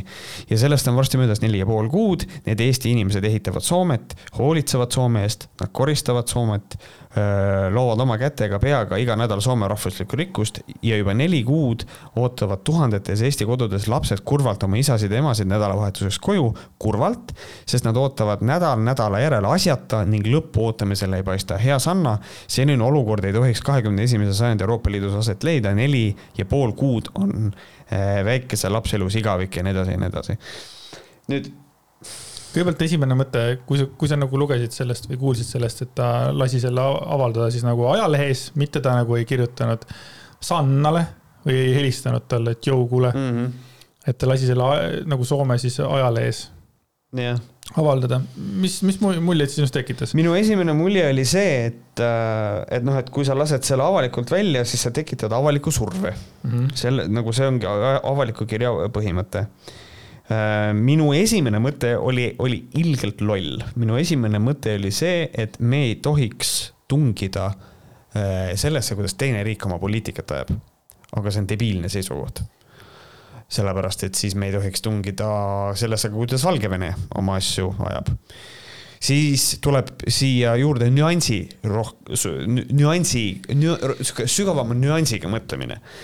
et noh, tegelikult kui me võtame nüüd Valgevene siia kõrvale, siis Valgevenes rikutakse tegelikult inimõiguseid ja, ja, ja see ei ole demokraatia, inimesed ei ole vabad ja nii edasi ja nii edasi ja seal tegeletakse hoopis muud, muude asjadega. et aga kui me räägime kahe demokraatliku riigi äh, suhtlemisest, kus üks riik on otsustanud koroonaviirusega to play it really safe hoiame selle piiri kinni mm, -hmm. lihtsalt, et see oleks, et me saaksime sellest üks-ühele jagu. siis ma tegelikult saan aru, miks Soome otsustab seda niimoodi teha, ma, ma, ma suudan seda mõista. teisest küljest ma jällegi saan ka sellest aru, et noh, tegelikult meie inimesed on seal kinni, et neile võiks leida, võimaldada mingi viisi, kuidas tulla tagasi. Nad tagasi saavad, selles see point oligi, et nad saavad ilusti siia. just. Nad ei saa hiljem tagasi, kui neil ei ole tagasi. seda elamisluba või nad ei ole siis õed ja arstid või midagi sinnakanti, vaata. just, mis tekitabki minus selle küsimuse, et noh, et, et siis nad vist jäävad koha peale sellepärast, et noh, siis nad saavad edasi töötada mm, -hmm. raha teenida. ja, ja siis ma leian seda, et see nagu just nimelt see, nüüd ma tahangi jõuda sinna nagu, nüüd ma jõuan sinna, kuhu ma tahtsin jõuda, et rääkida sellest, et nad ei pääse koju laste juurde, noh, teoreetiliselt pääsevad küll. et, et sellele rõhuda on minu arust nõme mm. -hmm ja siis üllataval kombel äh, võttis üks vahva ajakirjanik nimega Aivar Samost, ei, Toomas Sildam, sorry. Samost ja Sildam. Samost ja Sildam. Äh, võttis ERR-is pastaka kätte või siis klaviatuuri ja tegi siis, mm, jagas oma, omi mõtteid ja ma tahaksin natuke seda lugeda ja arutada mm. -hmm Soome on valinud koroonapandeemia vältimiseks oma strateegia, mida kasutab kõigi riigid, riikide suhtes. kuna Eestis oli nakatumine vahepeal kümneid kordi kõrgem, jäid meie pendelrändajad, kes Soomes töötavad, aga kelle alaline elukoht on Eestis suletud piiri taha lõksu. jah, see on vastuolus Euroopa Liidu reeglitega, mis pole õige, aga Soome hoiab kõigutamatult kinni enda strateegiast suruda viiruse levik võimalikult madalale ega loobu oma sammudest, kuidas riiki alada, see on, avada, see on nii no, nagu ka, mis sina ütlesid mm. -hmm nii, ja nüüd tuleb nagu mõnes ülihea mõte. paralleeli otsides võiks küsida, et kui Eestis oleks nakatumise määr kakskümmend viis ja Lätis üle tuhande, kas Eesti lõunapiir seisaks siis lahti või kinni? see on väga hea küsimus. ma olen nagu, siin ei pea, nagu ma arvan, keegi, keegi ei mõtleks ka seda, vaid nagu mm -hmm. lätlased ei pääse või ükskõik, kes ei pääse mitte kuskilt läbi, saad aru.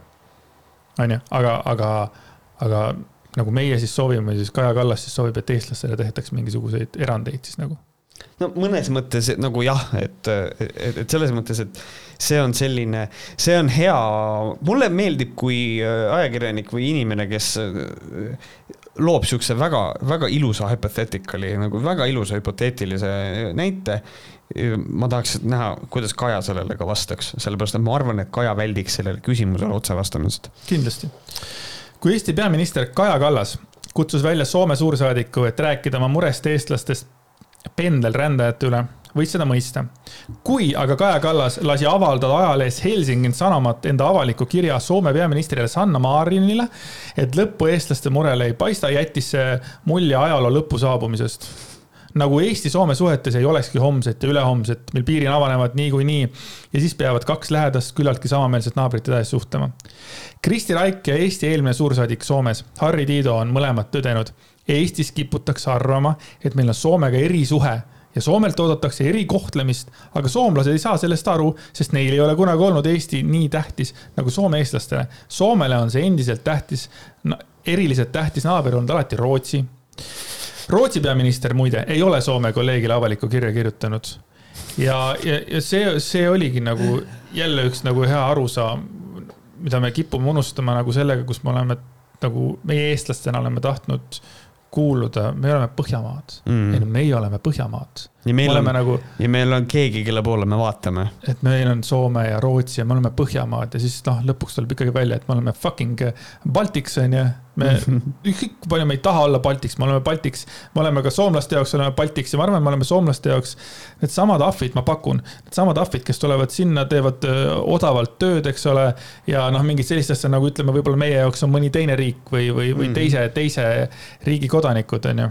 no mis no,, mis meil on tööjõud, tuleb Ukrainast tuleb meil palju tööjõudu vist või mm? -hmm et nagu selles mõttes ja kui me mõtleme selle peale, kuidas puhtpoliitilisel tasandil, noh, saab jälle EKRE-le viidata, mismoodi nemad räägivad mingisugusest, mingid ukrainlased tulevad, võtavad eestlaste töö ära. et nagu selles mõttes meil on, Soomes on suht sarnane olukord, et eestlased võtavad seal, neilt, sealt ju tööd ära. et korralikult nagu... võtavad tööd ära ja löövad selle nagu palga ka madalaks, eks ole, selle mm. soomlaste jaoks, et selles mõttes, et, et see ongi pull, et nagu. aa, meil on eriline suhe soomlastega, jaa, aga soomlaste, meil on pohhui. me teeme siit vahepeal, toome viina ja kogu lugu, eks ole. noh, et laske tagasi, dude you are fucking with our salaries nagu või nagu teine variant, samas võib-olla Sanna Marin võikski nüüd äh, lüüa kannaga vastu maad, öelda davai äh,. kõik peavad minema Eestisse tagasi ja enam sisse ei saa. mis siis saab?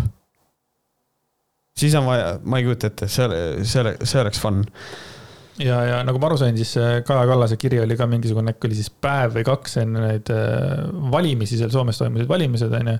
et siin ka nagu tekitati küsimus, et miks just oli vaja kaks päeva enne valimisi sellega mm. tegeleda ja kas see on mingi sisepoliitilised jõud kohe võtsid sellest kinni ja kohe ütlesid, Kaja Kallas, tubli, noh, Soome need eh, sisepoliitikud. tubli Kaja Kallas, you are the best, on ju, et noh, et nagu milleks see vajalik oli ja mina ei saa ka aru, milleks see vajalik oli, et, et äh, nagu tõesti noh, meil on, selles mõttes, et ongi, et meil ongi Soomet rohkem vaja kui Soomel meid mm. -hmm. et ma ei tea, võiks sellest aru saada. see on niisugune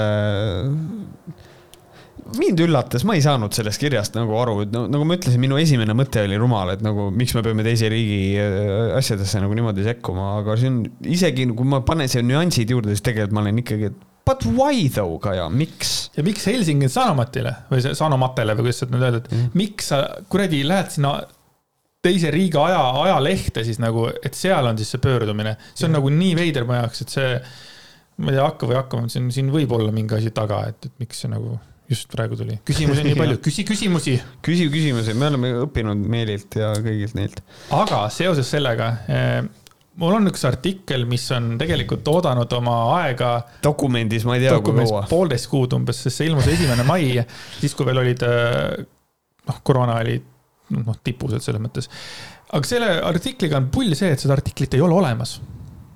et äh, see on äh, esimene mai, Eesti naine Elina Allase poolt kirjutatud artikkel ja seda ei ole olemas. seda ei ole enam? seda ei ole enam olemas, et kas, kas on ta mingiks hetkeks maha võetud või on ta vahetanud asukohta aga ja. mina, mina sellele kuskilt enam ligi ei pääse et.... seda ei ole olemas, vaat kui hea, et, et on olemas arhiveerimine. see arhiveerimine, see materjal on jah, mul dokumendis oodanud õiget hetke ja ma arvan, et see on praegu ideaalne aeg eh,. siis selleni jõuda. räägib eh, siis, põhimõtteliselt räägib siis Kalevipoeg, kuidas ma ütlen, Kalevipoegade naistest, kes elavad siin Eestis. ja kes on põhimõtteliselt kurvad. jah mm,? ma mõtlen nüüd, kuidas seda täpselt äh, si-, al alustada Al. alustame sellega, et see äh, artikkel algas niimoodi. vahetult enne Alvari lahkumist kukkus aknaruloo alla ning mees ütles, et tuleb peagi koju ja paneb selle üles kuid Ruloo seisab siiani nurgas. et hästi dramaatiline. hästi dramaatiline, et, et, et kogu sellele artiklile pandi nagu alguseks minu jaoks hästi jälk punkt või mitte punkt, vaid ma ei tea, mis asi, kuidas ala, alustatakse siis, ma ei tea, suur täht või. et see oli nagu niivõrd fucked up nagu äh,, ta nagu kutsub kohe nagu niimoodi, et oh, kui dramaatiline kõik on. ka mehe kätt oleks elamisse vaja, sest kõiki asju ei suuda Annelis ise teha äh,. järgmine asi, mis mul nagu probleeme tekitas, oli see, et noh, tal on lapsed ja selles mõttes, et äh, see ei ole minu jaoks probleem. aga ütleme siis see naine on siis ilusti nagu toas kinni, ta ei saa väga kuhugile minna. Mm, sellepärast, et juhiloa tegemine on Anneliisil rahapuuduse pärast pooleli. nii on nad koduseinte vahel otsekui aheldatud. ja siis natuke aega hiljem on lause, et suur raha ei asenda isa kodusolekut, see ei tee õnnelikuks ja siis Aa, mul. räägib veits vastu enda. ma läksin täiesti nagu närvi, ma läksin, et oot-oot-oot-oot, et jaanuarist saadik ei ole siis Alvar äh, kodus käinud, on ju, ta ei ole saanud rulood ära parandada, on ju äh,. Anneliis ei saa kodust välja ja peab ühissõidukiga sõitma, on ju, sest tal on rahapuuduse pärast juhiloa tegemine pooleli. aga mees, kes teenib Soomes suurt raha, ei ole suuteline talle siis nagu juhiloa tegemiseks raha andma. aga samas ta ütleb, et suur raha ei asenda isa kodusolekut, see ei tee õnnelikuks. aga kus on suur raha? Kus või, või, või minu puhul isegi tuleb sind nagu, kui ta räägib suurest rahast, siis aga miks ta siis, see on nagu nii veider ja jällegi samas ta ütleb pärast, et võlad vajavad maksmist. mis tekitas minus nagu täieliku antipaatia selle perekonna vastu, nagu sorry, et mu, tead mul tekkis, kas sa oled näinud filmi uh, The Warrior? Mm. Warrior, see on kaks venda on ja nad lähevad, hakkavad võitlema selles äh, vabavõitluses ja mingi maailmameistrivõistlused on ja. ei ole näinud. hästi südamlik lugu on ja noh, tõenäoliselt ongi südamlik, ülihea film on, on ju aga mul tekkis samasugune tunne nagu tolle filmiga peategelasel, et peategelase probleem on nagu see suurim probleem oli see, et nad võivad maja kaotada, et nad peavad minema tagasi korterisse saad aru, et see mm -hmm. oli nagu see loo point, et me kaotame maja ära ja siis on nagu, me oleme nii palju selle nimel vaeva näinud. jah, on ju, te kaotate maja ära, aga te ei lähe nagu kuskile puu alla ja siin on see point, et umbes, et, et see mees teenib hullu raha, ta pole saanud koju tulla, on ju. tal on mingid võlad, mis vajavad maksmist, ma ei saa sulle kaasa tunda. nagu, et sa oled juba tekitanud minus sellise emotsiooni, et ma ei saa sulle kaasa tunda kuidagi. siin on äh ma mõtlen seda, et siin on äh, ühesõnaga, et ta ei saanud, see oli siis tol ajal, kui nad ei saanud tagasi ka tulla või? et äh, kas ta siis, äh, kas ta siis ei teeninud seal piisavalt palju raha, et seda saata naisele? Kas on probleem selles, et see mees ei usalda naist rahaga, mulle jääb nagu selline, selline mulje, et et, et sissetulekud on nii pisikesed, et ma ei, mul, ma lihtsalt, ma ei saa ta probleemist otseselt nagu aru. see ongi see, et mina... probleem on see, et tal ei ole meest kodus, ma saan aru. tal ei ole meest kodus, aga kui mees teenib suurt raha, siis võiks olla ju olemas võimalus, et äh, aidata näiteks äh, laste hoidmisega äh, naisele juhilubade tegemisega ja, ja, ja, ja meest majas ei ole, et ruloo ülesse panna, et keegi nagu organiseerida. et ma ei saa nagu aru sellest, miks on mees Soomes nagu ja siis, kui ta ütleb, et võlad vajavad maksmist, siis mul tekib küsimus, kas on kuskil mingisugune valesti elatud elu, elu või mm? -hmm. et kas on kuskil mingi SMS laen, saad, saad aru, siin tekib nii palju küsimusi ja mul ei mis, mul ei ole tegelikult selle Anneliisi ega Alvari vastu mitte midagi, ma kujutan ette, et neil võivad olla päriselt nagu, neil on nagu põhjused võivad olla. Põhjuseid pole siin nagu, nagu nendest ei ole räägitud. Ja see, kuidas tekitatakse tohutu ohvritunne, aga ma ei tunne, et nad oleks ohvrid, kui nad nagu noh, sa, sa, ma ei tea, kas saad no, aru, mida ma nagu mõtlen sellega või? minu noh, põhimõtteliselt kogu selle probleemi juures, mis nagu minul on häirekell, on, äh, on see, et äh, noh, siin on, nagu ma aru saan, ühest teisest naisterahvast veel juttu, eks ole. siin läheb veel paremaks asi. Äh, aga et siin on see naine on mures sellepärast, et mehel võib Soomes tekkida uus naine.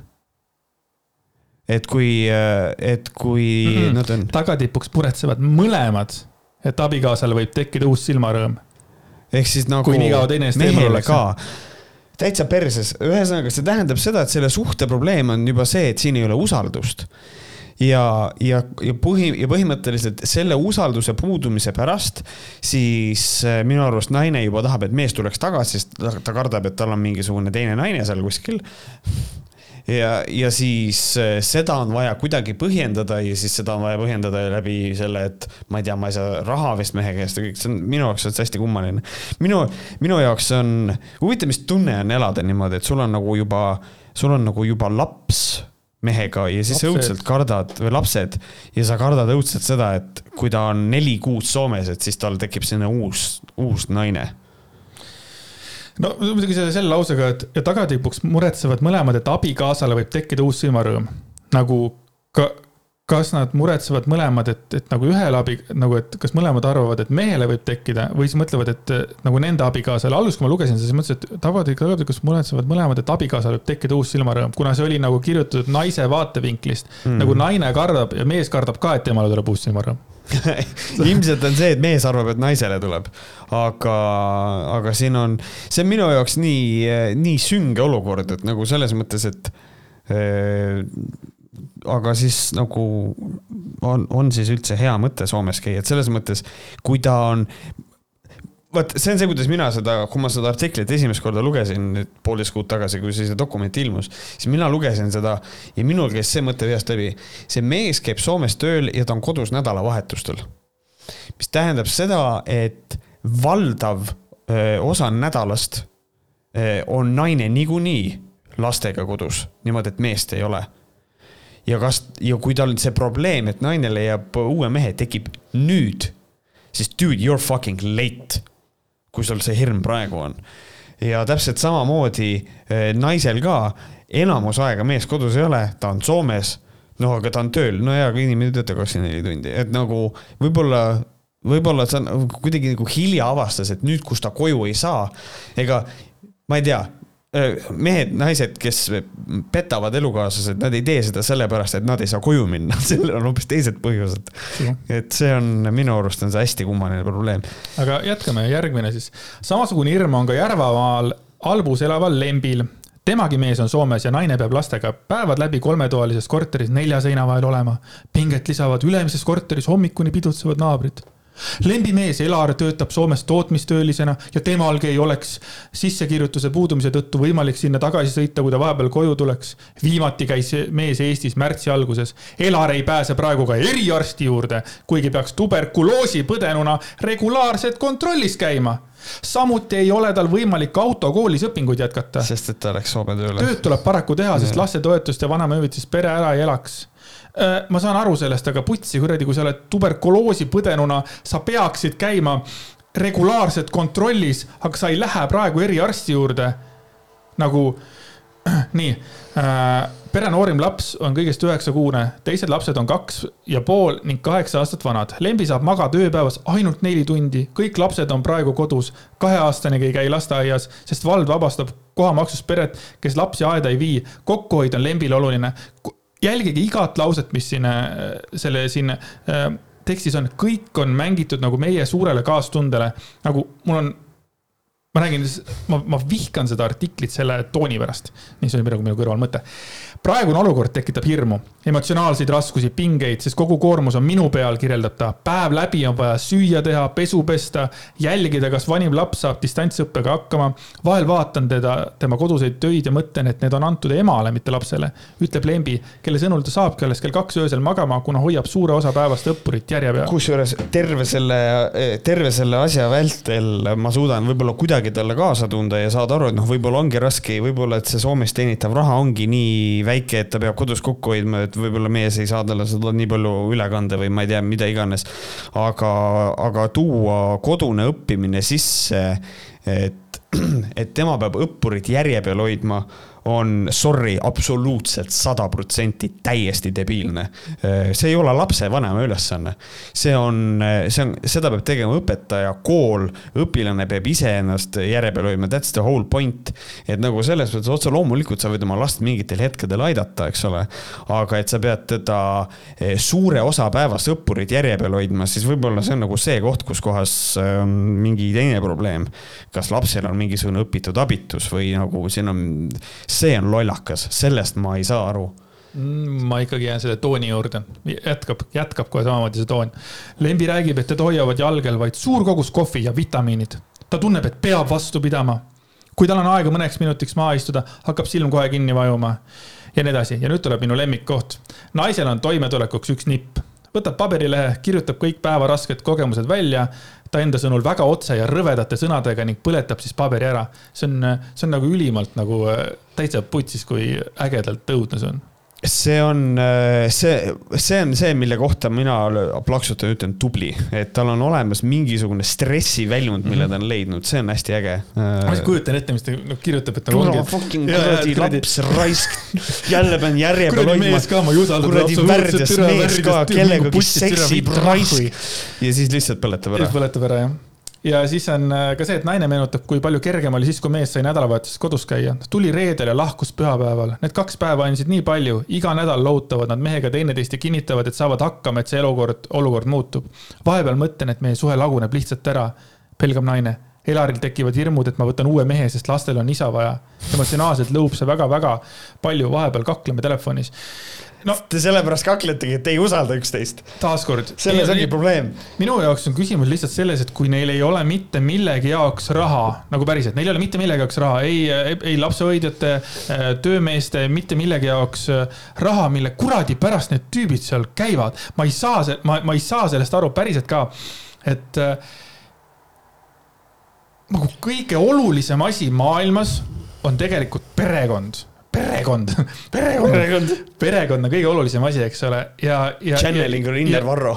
ja, ja, aga on tegelikult ka selle koha pealt on küll, et ikka ja, ja, ja, ja lapsed ei saa isa näha ja mingid asjad ja siis tuuakse mingisuguseid äh, nagu kuradi vennal on tuberkuloos põhimõtteliselt ei käi. nagu mille nimel siis inimesed tapavad ennast siis, kui mm, -hmm. kui te perele ei too raha sisse, onju, mille nimel siis, kui teid on vaja nagu. ma ei saa sellest aru, ma tean, ma olen praegu üli ebaõiglane ja need lood võivad olla väga sügavad, aga tänu äh, sellisele vahvale ajakirjanikule nagu Elina Allas on tekitatud ülimalt vastikus kogu selle teema vastu. mul on väga kahju, et inimesed on tegelikult kuskil nagu äh, kinni, niinimetatud kinni, onju, aga siiski tegelikult see ei ole nagu nii, et neid hoitakse kinni. alati on võimalus leida mingi lahendus, mitte nagu olla kuskil ma, ma ei kujuta ette, kui suured need võlad peavad olema, et sa ei saa isegi oma naisele juhi lubada jaoks nagu äh, mm -hmm. raha anda siis, kui sa seal oled. kas nagu, nagu ma, ma ei, ma ei tea ta häirib, see, see, see no, häirib mind. selles mõttes otse loomulikult on see, et ma ei, noh, mis on ka mõnes mõttes nagu sellest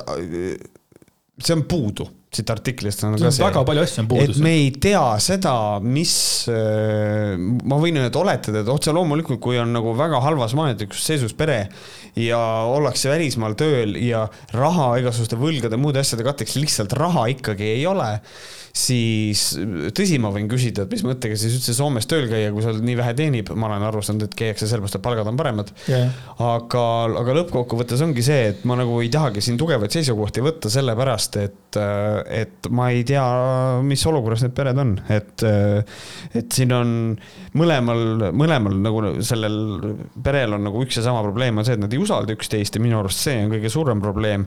ja noh, ilmselt see tuleb ka mingisugusest majanduslikust ebakindlusest on see, et ei tule. Äh, et noh, et äh, mees kardab, et teda vahetatakse välja sellepärast, et lapsel on isa vaja, on nagu hästi kummaline, sest ja, et selle lapse isa oled ju sina ja kui te üksteisega räägite ja siis sa ütled kohe sinna äh, lõppu lihtsalt sellega, et emotsionaalselt lõhub sa väga palju, vahepeal kakleme telefonis what about, millest, mil-, mis, mis see, mis need põhjused on, miks te kaklete.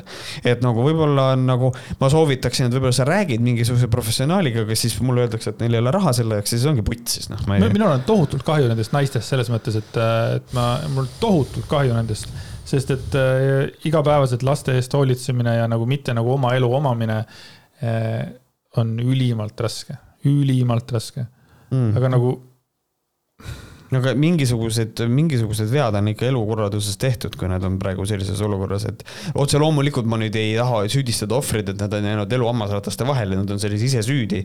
et seal on kindlasti ka muud tegurid ka, aga lihtsalt minu arust selle probleemi käsitlus on hästi pealiskaudne ja ilma sügavuseta. Et, et selles mõttes natukene kummaline. Te võite meile vastu vaielda ja, ja, ja kirjutada, et näed, et. absoluutselt, jaa, ma tean seda. valesti aru, te olete värdjad, et te niimoodi räägite, aga, aga see artikkel on, ma ütlen, alustan kohe sellest, see artikkel on nii sitasti kirjutatud ja seepärast mulle, mind ei oleks absoluutselt kottinud ja ma oleks ära lugenud ja tundnud kaasa, et okei okay,, nagu selles mõttes, et äh, siit lugu on ju, aga kui sitasti see artikkel kirjutatud on, huvitav, kas sellepärast Eesti naine selle lihtsalt ära koristaski sealt. et nad said aru, et see, et see ei ole, pärast see, pärast see fucking äh, artikkel saigi nii palju heiti või saigi mingisuguseid äh, netikommentaatoreid, kes olid samasuguse mentaliteediga, niisugused põmbjad nagu mina näiteks to toimetus oli nagu, oota, miks see siin on, kes selle kirjutas?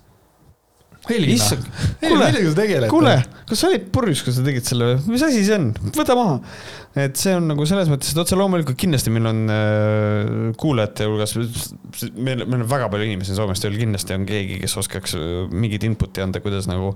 ja, aga vaata, nemad tulevad ka kindlasti, ma tean, nagu no, tulevad selle oma seis-, noh, selle oma nagu selles kohas, kus nemad seisavad ja nad noh et selles mõttes, et äh, jah, andke meile oma, oma, oma vastu, aga aitäh. sõimake meid.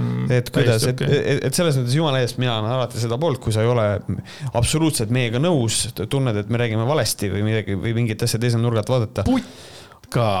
üks kiri jäi mul äh, siia dokumenti panemata, kus inimesed ei olnud nõus näed, ja sa oled, vaikselt tsenseerid ikkagi.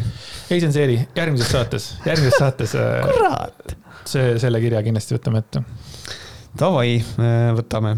aga Aa, räägime ühest vahvast äh, pettuse loost. pettus, ühesõnaga see on äh, mulle meeldib intro, ma loen selle sissejuhatuse. mida sa teeksid, kui sulle helistab uurija, kes ütleb, et su kontol on vale raha, kahtlased tehingud või käib uurimine ja sellepärast on vaja sul raha kontolt kohe välja võtta ja uurimist teostava isiku kätte toimetada ning küüsis raha pärast tagasi antakse ühesõnaga sihuke petuskeem Eestis ja nüüd võib-olla mõni teist mõtleb, et noh, et et noh, see on nii loll, et see ei ole võimalik, noh äh, põhimõtteliselt äh, ühel juhul läks pettus läbi ja kannatanu andis kelmidele enam kui kümme tuhat euri sularahas. kümme tuhat euri sularahas. tonni. ja teisel juhul õnnestus pangal inimesele selgitada, et see on pettus ja hoiti ära kahju suuruses nelikümmend neli tuhat eurot. Toimib sihukene pettuskeem. minul oleks esimene punane lipp oleks kohe, et teie kontol on vale raha, siis mul oleks kohe explain, kuidas see võimalik on. kuidas minu kontol... kontole sai vale raha tulla? kuidas on võimalik, et kontol on vale raha? vale raha on füüsiline paberraha, mis on vale ja, ja mõni krüpto. aga räägime ka siis, kuidas see asi täpselt toimus. esimesel juhul, see ongi see, kus kümme tonni siis kaotati, paluti naise abi ebaausa pangatöötaja paljastamisel. nimelt selgitas kelm telefonis, et panga ja politsei koostöös on käimas operatsioon selgitamaks välja pangatöötajad, kel, kes kelme pettuste läbiviimisel aitab. selleks paluti inimesel minna oma pangakontorisse, kontolt raha välja võtta ja see anda üle niinimetatud agendile. naine jäi kokkulepitud kohas ootama, kuni tema juurde tuli prillide ja nokemüssiga mees. kannatanu palus mehel end tutvustada kuid viimane keeldus dokumenti näitamast, veenis naist raha üle andmast, andma ja lahkus. kahju on enam kui kümme tuhat eurot. mis ongi nagu nii kurb, et nagu selles mõttes siin ongi, et kannatanu palus mehel end tutvustada keeldus dokumenti näitamast. et nagu ta ikkagi veel kahtles, aga see raisk suund, suutis teda veenda, et ikkagi anna raha üle. hästi usaldusväärne, üks prillide nokamütsiga mees. jah, no ei, salaagent, vaata. True, true, true, võib-olla oli vaata see äh, mantlitena, vaata need kõrged kaalused, see oli ka veel üles tõmmatud, vaata nagu mm -hmm. nii, et see kuskil siin, aa, samas mask ka okei ees on. In-, incognito äh,. siin on nüüd äh, selline asi, et see on muidugi tipp kõikidele pet-, petistele ka, aga mõlemal juhul võeti inimestega ühendust Viberi äpi kaudu. Vene keeles kõnelev helistaja tutvustas end panga turvatöötajana ning teat-, teavitas, et kontol on kahtlased tehingud.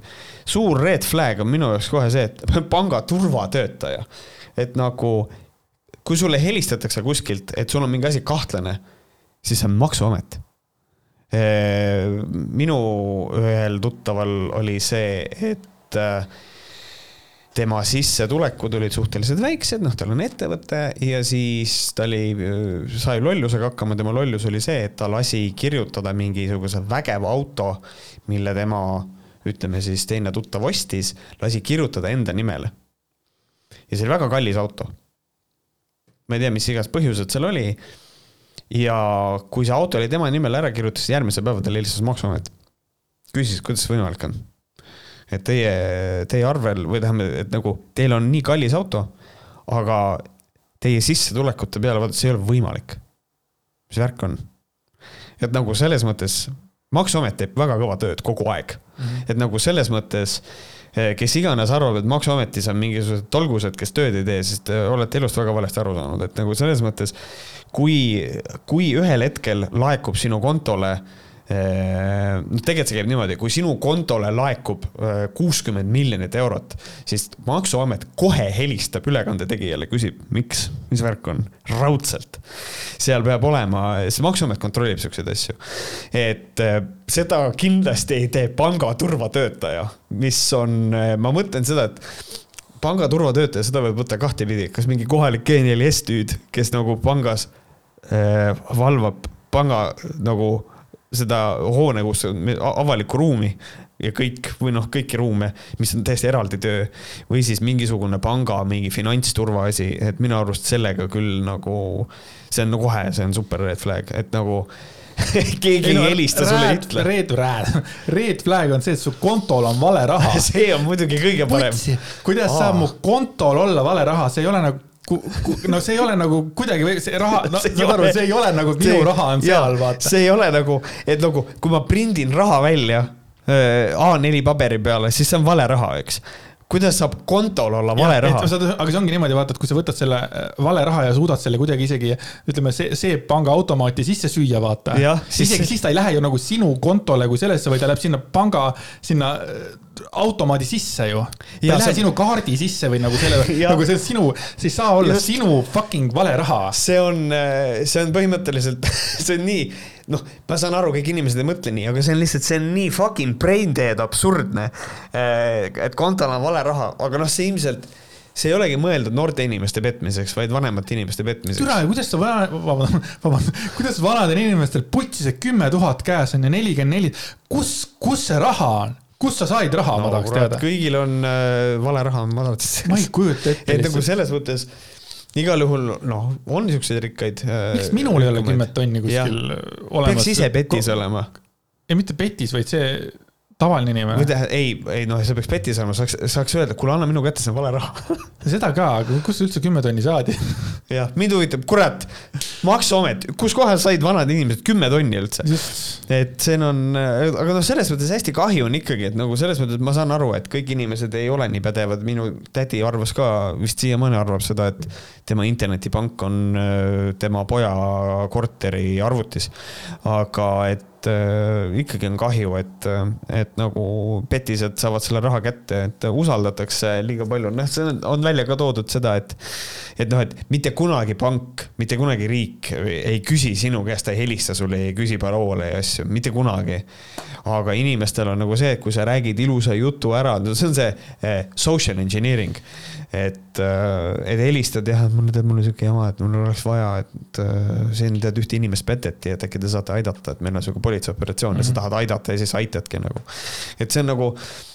Ameerika filmid on selle teinud äkki atraktiivseks. ja võib-olla küll, et ma ma vaatasin kunagi mingit dokki, kus oli, räägiti äh, häkkimisest ja öeldi, et nagu häkkerite puhul kõige suurem osa on social engineering igasuguste asjadega, et ongi, inimene helistab, naisterahvas helistab, ta paneb kõlaritest mängiva lapse nutuhääle ja siis ta helistab ettevõttesse, kus kohas ta küsib, et kas ta saaks ligi oma abikaasa andmetele mm. -hmm. et tema abikaasa on praegu haiglas, et ta ei saa, et kas on kuidagi võimalik ja siis teller või noh, kes iganes on teises otsas, ta kuuleb taustal lapse nuttu, mõtleb, laps nutab, mehega juhtus õnnetus, kurat, ma ma noh, ma tulen vastu talle ja tegelikult annab andmeid inimesele, kes pole üldse seotud selle ma ei indiviidiga tea, kas. selliseid asju on Eestis ka palju juhtunud või?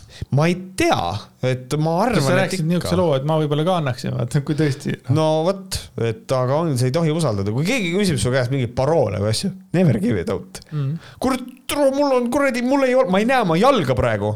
aa, okei okay,, aga ütle, kui üles leiad, siis ma võin anda. et nagu selles mõttes, et äh, et ma ei saa, et Alvar on praegu Soomes tööl, et mul rulood on vaja tulla, et tule mm. -hmm. ei saa. no ei, ei ole võimalik. Et noh, see on noh, aga sorry, et mulle meeldis siin lõpus oli üks hästi armas lause, mis oli siis Ida politseiprefekti juht või kes see oli see. ütles, et kuigi meile õpetatakse juba, õpetatakse juba lapseeast, et võõrale ei tohi raha anda, võib inimestes olla hirm ära öelda või soov aidata. sellele vaatamata tuleb hoolikalt mõeldes, mõelda selle üle, mida võõras helistaja palub teha ja seda olukorda hinnata. Paraku on kelmid osavad manipuleerima ning nad muudavad oma juttu ja skeeme pidevalt, kasutades kannatanuid ära. aga just seesama see algus, et kuigi meile õpetatakse juba lapseeast, et võõrale ei tohi raha anda mm. -hmm. me ikka kipume seda raha andma. ja siis siin lõpus on veel täitsa see, et üldiselt kehtib rusikareegel, kuulake nüüd rusikareeglit. kui keegi telefonis või arvutivestluses midagi pakub või nõuab ja sellesse pakkumisse on kuidagi segatud ka sinu raha, siis võib, võib olla sada protsenti kindel, et tegu on petuskeemiga ja kõne tuleb kohe lõpetada. kui sinu raha on seotud selle tehinguga, mis sulle pakutatakse, pakutatakse, pakutakse telefonis, siis on fucked up, pane toru ära, jookse minema, ütle, et ei ole raha. Ei ole paroole, unustasin ära. või teine võimalus on see, et sa lihtsalt raiskad hästi palju nende aega, kui sul on endal aega, kui sa raiskad nende aega hästi palju, siis sa säästad kedagi teist sellest kõnest. et see on, siin on sihuke väike vahva nüanss ka, et kuidas seda asja oli aga, see no,, aga üld, üldiselt oligi minu seisukoht on lihtsalt see või nagu, mida ma panen inimestele südamele, kui keegi küsib teie käest paroole, fuck those people, ärge, ärge hakake. tead selle Soome looga ma ei saa selle Soomest nagu ikkagi veel, et äh, minul oli üks, kunagi oli üks hea sõber mm, enam ei ole nii hea sõber, aga et tema läks alguses läks Soome tööle, oli vist mingisugune kuu-kaks, tõestas ennast nagu seal professionaalina, võttis oma pere kaasa, läks Soome elama, sai, nüüd on vist see Soome pension ja kõik vaata tal tulevikus olemas, eks ole mm.. elavad nagu Miškat, sest ta on hea tööline, ta võttis pere kaasa, saad aru. ja mulle, mulle tundub see nagu kõige romantilisem mõte, et kui, kui minul oleks kunagi vaja minna Soome, ma nagu ise mõtlen seda, kui mul oleks vaja minna Soome tööle, et noh, mingil põhjusel on korralikult raha vaja. Ja ma olen seal professionaal, mind hinnatakse seal ja mul on võimalus endale oma see, eh, oma pere kõik kaasa sinna võtta, siis see lahendaks nii paljugi probleeme, mitte niimoodi, et ma töötan kümme aastat, käin mingisuguste nädalavahetuste kaupa, kaupa Eestis ja, ja mingisugune perekonnaga nagu asjad lähevad tuksi ja, ja lõpuks nagu kaks inimest segavad teineteist, vaid nagu perekonnaga koos olla. Et mul on, mul on nagu see lugu nagu tohutult meeldis see, et noh, see oligi nii. võtan pere kaasa vot. nii, ja rääkides perest ja sellest, siis nüüd me jõuame. Märdi lemmiklauluni. minu lemmiklauluni, mis on laste seksuaalne kasvatus ma mõtlesin, et noh, pigem nagu see artikkel, aga hea küll see artikkel just, et ühesõnaga eh, üks erakordselt lihtsalt mul, vot selle inimese puhul mul, mul lihtsalt, ma ei näe ühtegi reaalset eh, stsenaariumit, kus kohas selle inimese kohta võiks öelda intellektuaalne. Ehm, et see inimene siiamaani, tema väljaütlemised on sellised, et ma sügavalt kahtlen selle inimese tervemõistuses. Eva Holm just, sihuke inimene nagu Eva Holm. Eh, Rita Holmiga mitte mingisugust eh, minu arust sugulussidet ei ole. aga minu arust ülivahva, et nagu nad tegelevad sama asja, nad on vastu, üks, mõtle, kui oleks, ütleme Varro Vooglaid ja siis oleks see teine. ja mina oleks Märt Vooglaid. ei, ei, ei, kes see, kes see tegi selle teise, noh, sa-, Sapt, kes siis on see teine on see vastu, on see. Salk. Salk ja siis tolle nimi oleks näiteks, oleks Barro Vooglaid näiteks. siis ongi, et Barro on ühel pool ja Varro ja mõlemad on Vooglaidud, eks ole, ja siis mõlemad. Varro Vooglaid ja Vairo Vooglaid näiteks. Nad ei ole üldse sugulased, aga lihtsalt täiesti. ja praegu on samamoodi, et on Rita Holm, kes on äh, laste seksuaalkasvatuse siis nagu noh, propageerija, ütleme siis niimoodi. ja siis on Eva Holm on ju, kes on nagu suur vastuvõitleja no.. On... kui suur võimalus on, et see on Rita ja Eva Holm on teineteise vastas. saad aru, see on ainult ühel inimesel on äh, kuskil poole Eesti peale see nimi ja nüüd ongi kaks inimest, kellel on need perekonnanimed ja need on teineteise vastas. Exact opposites, jah ehk siis ta kirjutas Postimehes arvamusloo, mis ei olnud äh, tegelikult nii palju arvamus kui ramblings of a mad person äh, kus ähm, ta põhimõtteliselt, mul ei ole sõnu, ma ei oska kirjeldada seda kuidagi, ta nagu. proovi, kõik ei ole seda lugu kuulnud.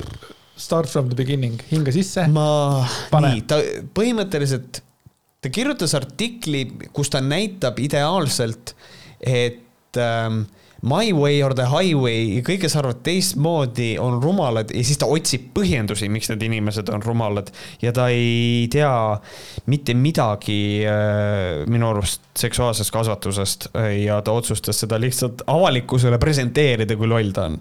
ja minu arust on see vapper, ma pean tunnistama. Kalev Vapper. Kalev Vapper et ta luges, see on siis vastus sellisele artiklile nagu seksuaalkasvatus võib ära hoida hilisema väärkohtlemise. ja siis ta otsustas näidata, et tal pole õrna aimugi, mida see tegelikult tähendab. et ta, ta esiteks, ta saab täiesti valesti sellest artiklist aru, mida ta luges, et, et justkui tema äh,. issand jumal, ma ei oska, ühesõnaga kui me tahame lapsi äh, nagu seksuaalkasvatust teha lastele, siis me tahame lastele äh, nagu selgeks teha, mis asi on seksuaalsus, mis asi see on millises vanuses mingid asjad on, on nagu okei okay., mis, mis on asjad, mida sina teha võid, mis on asjad, mida sulle võib teha, rääkida, et mis asi on normaalne, mis asi on, noh, mis asi on kole ja paha. ja, ja selle eesmärk on see, et lapsed saaksid aru, kui keegi käitub nendega pahasti, et kui keegi räigelt nagu näpib su noksi kogu aeg, siis probably should tell someone, et mm -hmm. nagu see ei ole, et see nagu katsub mu kuradi huu-huu-tili-tilit kogu aeg, mis värk on. Äh, et noh, see ei ole nagu õige. ja Eva Holm on nii loll, et tema, tema saab sellest niimoodi aru, et lapsed siis oskavad ennast nagu kaitsta seksuaalse ärakasutamise eest kuidagi selles sõna otseses mõttes. ehk siis nad kaitsevad, et, et kui tuleb äh, keegi täiskasvanud mees teda katsuma, ütleme. Joel. just mingi suvaline nimi, ma mõtlesin sama nime, sa mõtled sama liini pidi, mida mina. et tuleb näiteks Joel või Venno või noh, kes iganes ja tuleb, hakkab katsuma teda siis millegipärast Eva Holm vist on saanud sellest niimoodi aru, siis see laps on nagu ja siis ta on kuidagi kuidagi kaitseb ennast niimoodi, et ma, et ta on nagu kar-, nagu kardinaalselt valesti aru saanud seksuaalkasvatuse nagu eesmärgist. ja siis ta näitab, et vaadake, ma sain valesti aru ja nüüd kõik on, nüüd see on nii, nagu mina sellest olen aru saanud. et ähm, ta on millegipärast näiteks, äh, ta räägib, et on mingisugused õpetused, eks ole, selles äh, nii-öelda nagu selles äh, brošüüris, mis anti, noh, kuidas õpetada lapsi, kuidas seda seksuaalkasvatust teha. ja siis, et, et seal on nagu õpetustega, kus me õpetame lastele siis kehaosasid ja kõiki neid asju, et nende õpetustega võetakse lapselt ära nüüd loomulik häbitunne, mis neid veel kuidagi pedofiilide eest kaitseb. ja siis mul on selline tunne nagu no joke, ma tahaks lõuga anda. kallis inimene loomulik häbitunne, first of all, mis asi see on, mis asi on loomulik häbitunne, et me kõik. et sa tunned, noh, loomulikult tunned häbi enda, enda tegude, keha, näo, see on täiesti loomulik häbitunne. et see millegipärast on see, see on nagu- loomulik. aga see on nagu positiivne asi, vaata. see on nagu, et see on nagu justkui, et see on positiivne asi, kuigi tegelikult inimene ei tunne häbitunnet äh, mitte kunagi loomulikult, vaid läbi ühiskonna surve mm. -hmm. meil on ühiskond, meil on süsteemid, mis on üles, et minul oleks häbi sittuda, see on, ma tõin stream'ist sama näite, minul oleks häbi sittuda keset äh, Tartu kuradi raeplatsi mul oleks räigelt häbi või kui ma ennast täis kuseks seal, mul oleks täiega häbi. kui inimene kui inimesel ei ole, puudub kontseptsioon, eh, mida tähendab enda täiskusemine. Eh, et inimene on õppinud, noh, see on hüpoteetiline olukord, et inimene peab loomulikuks sittuda ükskõik kus kohas ta on, sest tal ei ole häbitunnet. siis milline neist on loomulik häbitunne? et nagu see on, see on täiesti vaimuhaige lähenemine ja nüüd me jõuame selleni, et väidetavalt see loomulik häbitunne peaks pedofiilidest kaitsema. ja nüüd mul on nagu see, et my god, you dumb fuck vastupidi, kui lapsel on piinlik, keegi katsus teda sealt, kust ei tohi katsuda ja siis seesama pedofiil ütleb ka, et kui sa kellelegi ütled, et siis see on väga paha, et siis on, kõik naeravad sulle, kui sa sellest räägid. ja siis sellesama loomuliku häbitundega saab pedofiil ilusasti hoolitseda sellest, et see laps ei räägiks mitte kellelegi, et teda on näpitud või ahistatud.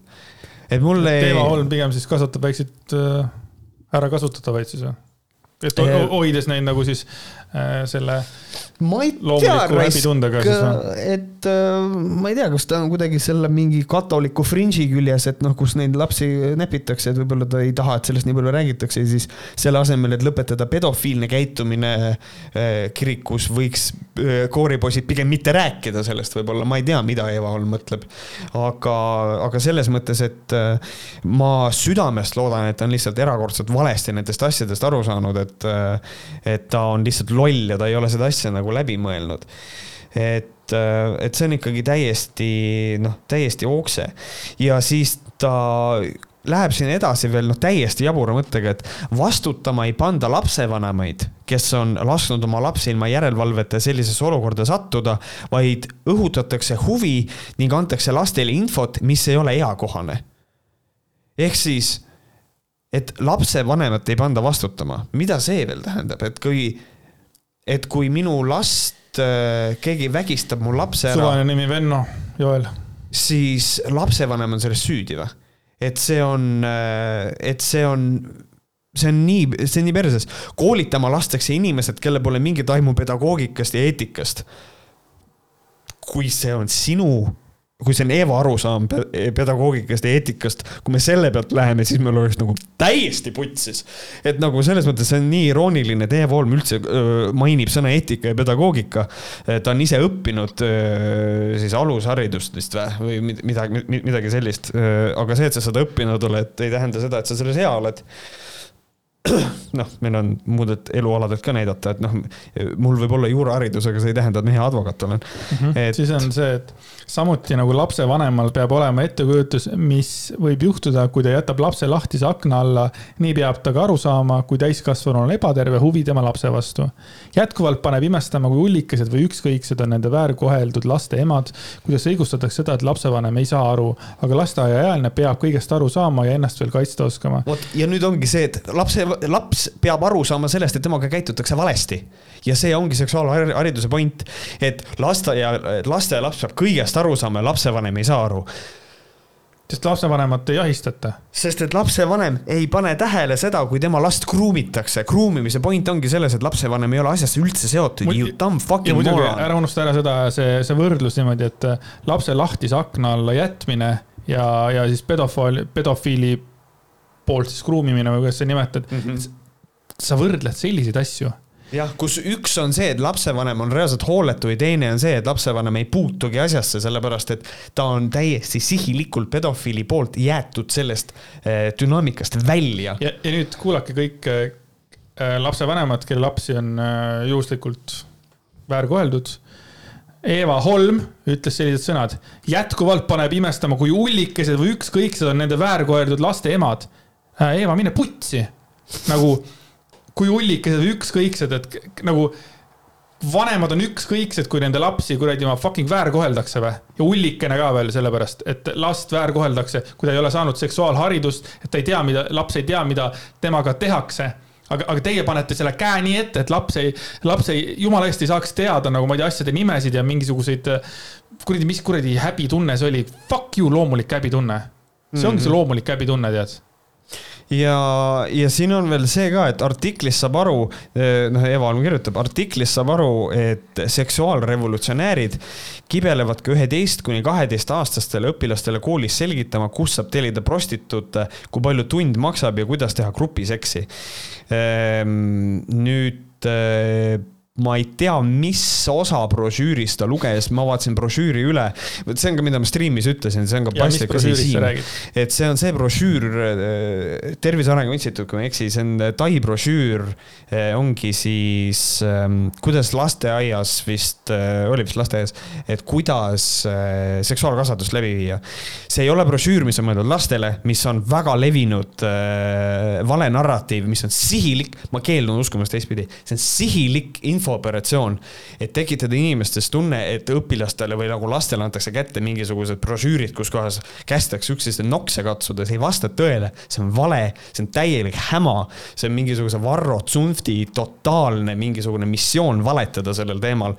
ja, ja, ja see brošüür on olemas äh, täiesti ilusasti, selle brošüüri nime ma praegu hetkel ei tea seda, aga selle brošüüri nimi on täiesti, ühesõnaga see on PDF-ina täiesti vabalt olemas. ma ma vaatasin, ma sirvisin seda PDF-i. Äh, seal ei ole see, mida Eva Holm äh, siin äh, mainib brošüüris ei ole neid asju. et minu arust ta siin isegi mainis mingit mängu, et peab üksteise riideid seljast ära võtma. see on konkreetne fucking vale. Fuck you, Eva, ära valeta ja kõige selle baasil minu tagasihoidlik arvamus on see, et Eva Holm on sitt ema ka.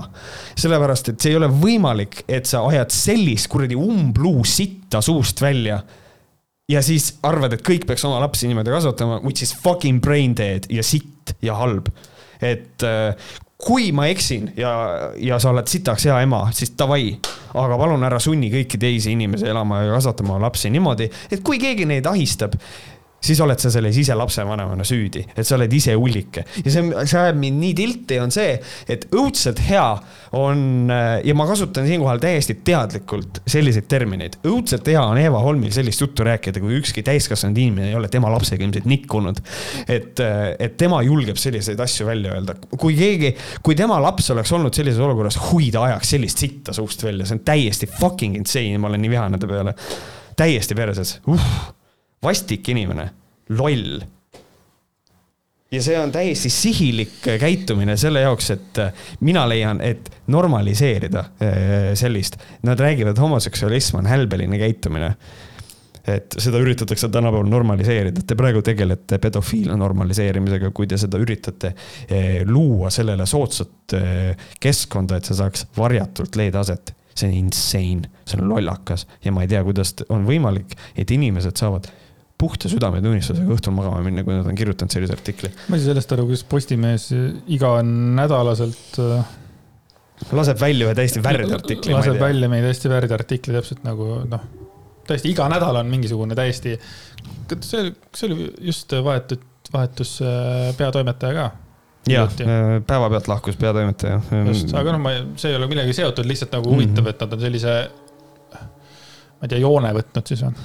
jah, kuidagi siuksed, nad lasevad vist, nad vist tahavad jätta muljet, et oh, me oleme, me nagu meil peab olema tasakaalustatud ja siis nad lasevad lihtsalt konkreetselt kõige haigemat sitta äh, nagu välja, aga mul tekibki see küsimus, et kas see ongi nagu mingisugune salajane missioon, lasta lihtsalt nii ekstreemset sitta, et keegi võtaks neid inimesi tõsiselt või? aga kõige hullem on see, keegi loeb seda Eva Olmi artiklit seal on kommentaarid all ja ütlevad, et väga tervemõistuslik ja. ei, see oli, see oli lausa Varro Vooglaid. ja Varro Vooglaid ütles ka, et see on tervemõistuslik. ja siis jagas on... seda ja siis jälle tuhanded inimesed, kes nagu teda jälgivad, küll loevad tam, thumbs up ja siis loevad seda, oh, väga hea, ma ei räägi ka oma lapsele mitte midagi sellest. Noh. väga ilusasti ja väga hästi kirjutatud ja ongi, see on nagu väga hea jah, ära räägi oma lapsele mitte kunagi, mis asi seks on ja siis, kui pärast oled hädas sellega ja siis ongi, see ongi, sorry, ma praegu lähen praegu nii peale.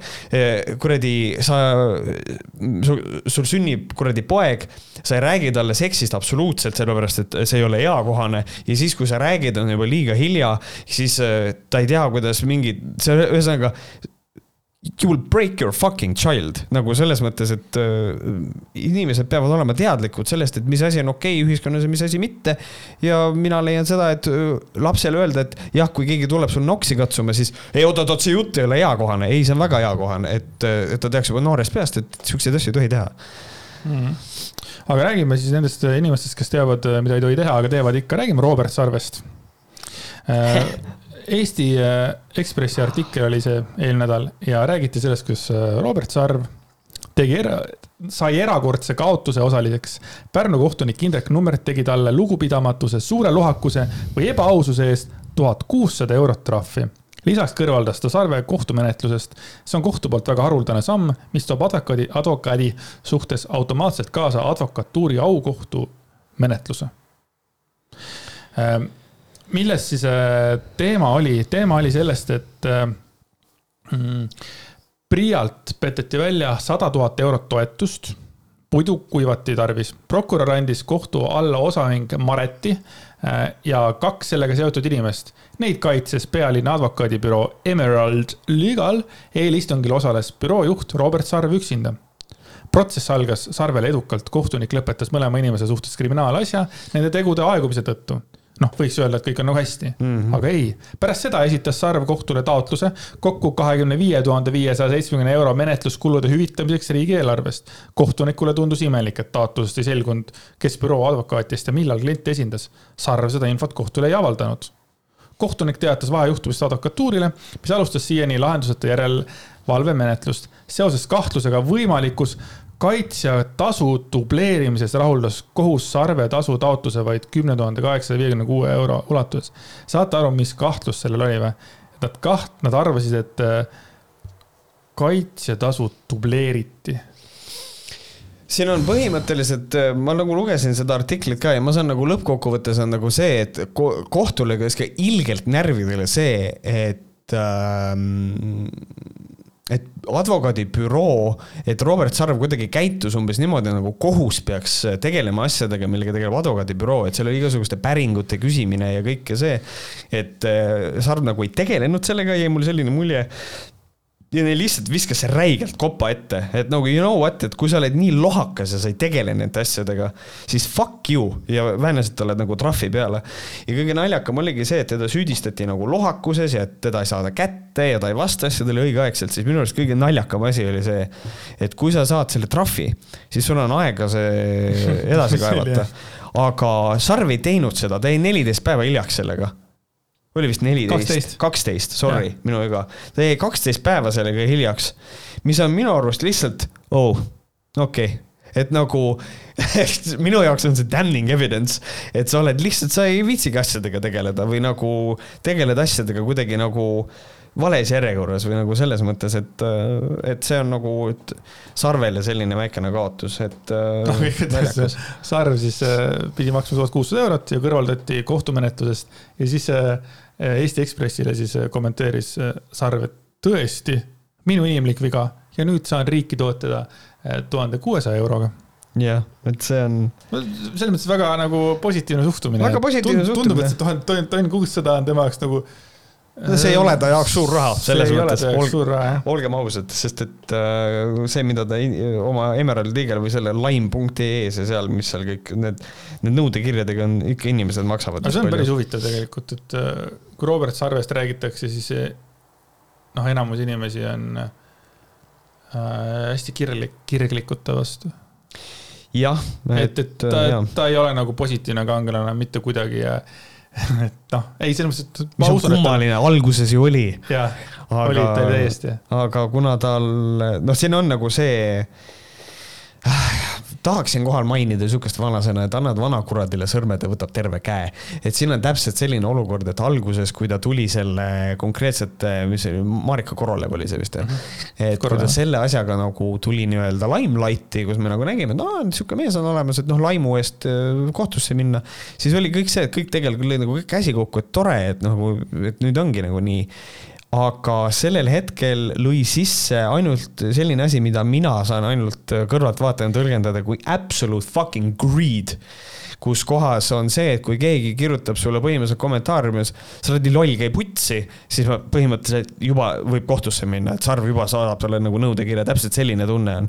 ja mul on siiamaani, mina leian seda, et Sarv võiks mingisuguse IT-firmaga kokku leppida ja teha äpp, mille nimi on Suify, kus kohas, et äh, Sarv ise ei ole üldse asjaga seotud, ta on kuskil, istub rahulikult Bahamadel, ma ei tea, joob mojitosid. ja kui mulle astub bussist keegi jala peale, siis ma võtan äpi, suunan selle inimese poole, niikuinii on 5G kiip läbi vaktsiini sees, vajutan rohelist nuppu ja siis talle tuleb kohe nõudekiri plaksti. et mingisugune, seda asi võiks palju operatiivsem see on olla. väga hea idee. alati palju häid, Suify. Suify, absoluutselt, et nagu selles mõttes, et nüüd praegusel hetkel on, on Robert Sarve imago nagu selles mõttes nagu tarnished, et ta on nagu ikkagi sihuke tüüp, kes on aga ma usun, et tal on pohhui sellest. ma usun, et tal on pohhui, sellepärast et nagu selles mõttes tüübil on väga hea promo tehtud, et nagu selles mõttes inimesed lähevad äh, ikkagi, ma võtan sarve. ma ei tea kedagi teist, olen Sarve. kusjuures mina tean ühte veel, kes on äh, ei, ma ei räägi isegi ma ei räägi isegi endast, aga ma ütlen nüüd, et need laias laastus, et kui ma olen inimene, kellel on vaja abi kuskilt, siis mm -hmm. ma ei tea Mhm. mitte kedagi teist, ma võtan Sarve, just, selles mõttes. ja nagu üks nimi on veel, kes sai ka tuhat kuussada trahvi, aga kes jõudis selle vaidlustada. see oli Paul Keres mm. -hmm. Paul Keres on teine kaitsja, kes on nüüd juba tuntud nimi kuule, see pidi olema siis umbes sada aastat tagasi malelaua taga. mm. okei, okei. ega mille eest ta sai? Ma ei mäleta. ega iga nali ei peagi välja tulema, aga et mis, mille eest, ei tea, mäleta, okei okay.. seda ma, ma tõepoolest ei, ma tõepoolest ei mäleta. ma mäletan ainult pealkirja, et ta sai ka, aga ma, see oli just teil kuidagi selle, see oli nii-öelda recommended news mulle, kui ma seda Sarve asja lugesin ja siis nägin. et, et on, on enne ka määratud mingeid trahve. kusjuures ma saan aru, meil üks kuulaja on ka äh, õiguse pealt nagu tuntum asi, et võib-olla noh, tuntum, õiguse pealt nagu teadlikum asi, et võib-olla ta saab isegi kirjutada meile kui levinud. kui te ei tea nagu, kellest me räägime, siis minge Võhkarite Patreoni ja kuulake seitsmendat äh, Patreoni haigushoogu mm,. ehk siis patroonhäälingut seitse. ja teeme ühe teema veel, see on ka teema, mis tegelikult on äh, Märt oma elus juba läbi töötanud. jah, mul Ja ei võta- ole selle kohta muidugi palju öelda, pole kunagi olnud. aga tead, aga võtame selle hästi kergelt üle võtame hästi kergelt ja üle. siis saame putka kinni panna. mis äh, siis juhtus? ajakiri Pere ja Kodu. tänases saates juba teist korda mainitud. kusjuures see on ajakiri, mis on kaks minu artiklit äh, avaldanud, nii et see on igati hea ajakiri yeah.. see väike flex. täiega, suur flex. Ehm, ja Pere ja, Pere ja Kodu avaldas detailse õpetuse lapseootel peredele ja värsketele lapsevanematele, kuidas orienteeruda sünnitus- ja vanemahüvitistes. Ehk siis, et kuidas saada hüvitisi nii-öelda maksimaalselt, sest et on teatud asju, mida inimesed võib-olla ei tea siis on nii keeruliseks aetud ka. Eh, noh, sest et ongi igasugused toetused on natukene keeruliseks aetud, et ja et siis Pere ja Kodu nagu aitas, et kuidas seda teha. täiega nunnu idee nagu best thing ever, see on et- siiamaani muidu üleval, see artikkel, et kes ei tea, kuidas selle asjaga tegeleda, minge printige endale see välja, pange seina peale, üks hetk ikka laps tuleb. Mm -hmm. noh, kui te ei ole. Kui te just ei, kui te just või Kui te ei taha. või kui te ei taha lapsi, eks ole.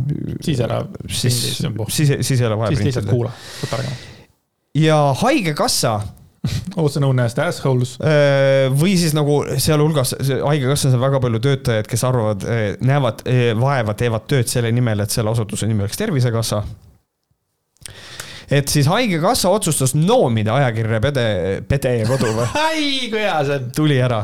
ajakirja Pere ja Kodu Pere ja Koru. ja, ja noomida neid selle eest, et nad äh, nende silmis õpetasid inimesi süsteemiga manipuleerima. ja siinkohal on minu avalik pöördumine eh, haigekassa poole. kas te puts ei taha minna? kui te olete ajakirjanikud, siis palun äh, avaldage see Märt Koigi avalik pöördumine ka peavoolumeedias, nagu te tegite seda eh, sõjaväe... Soomes siiski, pigem sõjaväe artikli puhul nagu see ongi niimoodi, et mida peab tegema, et saada nagu peavoolumeediasse, ah? Tahad äkki korrata seda, mis see? ei, et minu, minu avalik küsimus Haigekassale on, kas te putsi ei taha minna? haigekassa manitses ajakirja toimetust, et artikli sünni, äh, sünnitushüvitise suurusega manipuleerimine, õpetamine ei ole sobiv. mitte keegi ei manipuleeri, vaid nad kasutavad olemasolevaid võimalusi, et saada toimetusi, milleks neil on absoluutne seaduslik õigus. kuradi süvenematud debiilikud, mis teil viga on? kui halb oli see kommunikatsiooniinimene, kes seda, ei... selle, selle mõttega nagu välja tuli nagu, et. ma ei kujuta ette. ma arvan, et see inimene võiks olla vallandatud praegu, et sellise mm. nagu mainekahju Haigekassale tegi, et noh see on ikka täiesti pöörane, see on nagu, see on nagu mulle, kas Twitteris keegi ütles, et noh, et, et neil on olemas kommunikatsiooniinimesed tööl ka, aga praegusel hetkel oleks seda tööd ka lillepott paremini et nagu lihtsalt, ehk siis lillepott oleks vait olnud, mitte midagi öelnud selle asemel, et lihtsalt ennast lolliks teha, et see on nii nõme käitumine Haigekassa poolt. ehk siis seal ei ole mitte mingisugust otsest manipuleerimist, vaid seal on lihtsalt inimeste informeerimine, kuidas käituda, et saada seda, milleks sul on seaduslik õigus, manipuleerimine viitab, et tehakse midagi ebaseaduslikku või midagi sellist ju põhimõtteliselt. et see on nii lollakas ja ma loodan, et see inimene, kes selle pere, pere ja kodu et eh, kes siis selle noomituse kirjutas või saatis, et see inimene on nagu tõsiselt eh, ma ei tea, läheks sauna, paneks sada kaheksakümmend kraadi ja no, tõsiselt higistaks ja mõtleks järgi elu üle. ma ei tea, kui see lause lõppes. saad aru, ma mõtlesin, et sa ütled, et ma läheks temaga sauna ja paneks aga siis tuli välja, et tema läks sauna ja sai kaheksakümmend kraadi. ja siis infoks kõigile, kes on suured skeptikud, äh, siis võib-olla nüüd on see aeg meie kuulamine lõpetada, sest et ma sain ühe suure lollusega hakkama laupäeval. Ma olen vaktsineeritud. Jesus jah. kus see magnet on, tere, sa oleks võinud öelda, ma oleks mingi magneti kaasa toonud. ma oleks näidanud kõigile, et see asi toimib et see asi, see asi jah, et ah,. mõtle, kui hea oleks olnud, kui ma oleks teinud seda äh, liimitrikki vaata sulle ja pannudki selle külge. ja, ja siis oleks videos what the fuck. ja siis olekski nagu pannud selle praegu selle külge ja siis ongi fuck onju. jah. ja paneks inimesed uskuma kuigi ma ei tea, kas äkki nad ikka, äkki Vaat... meie kuulajad ja vaatajad äkki saaks aru sellest, et. jah, ja, ja siis on teine asi on see ka, et, et see oleks niisugune nali, mis kuidagi keegi leiaks viisi, kuidas näidata, et näete, isegi nemad tegid ja tõestasid ära, et see on nagu halb mm -hmm. vist mhm. isegi. et see on praegusel hetkel isegi selliste asjadega, kui sa teed naljavideo, siis keegi võtab seda tõsiselt ja teeb asja hullemaks.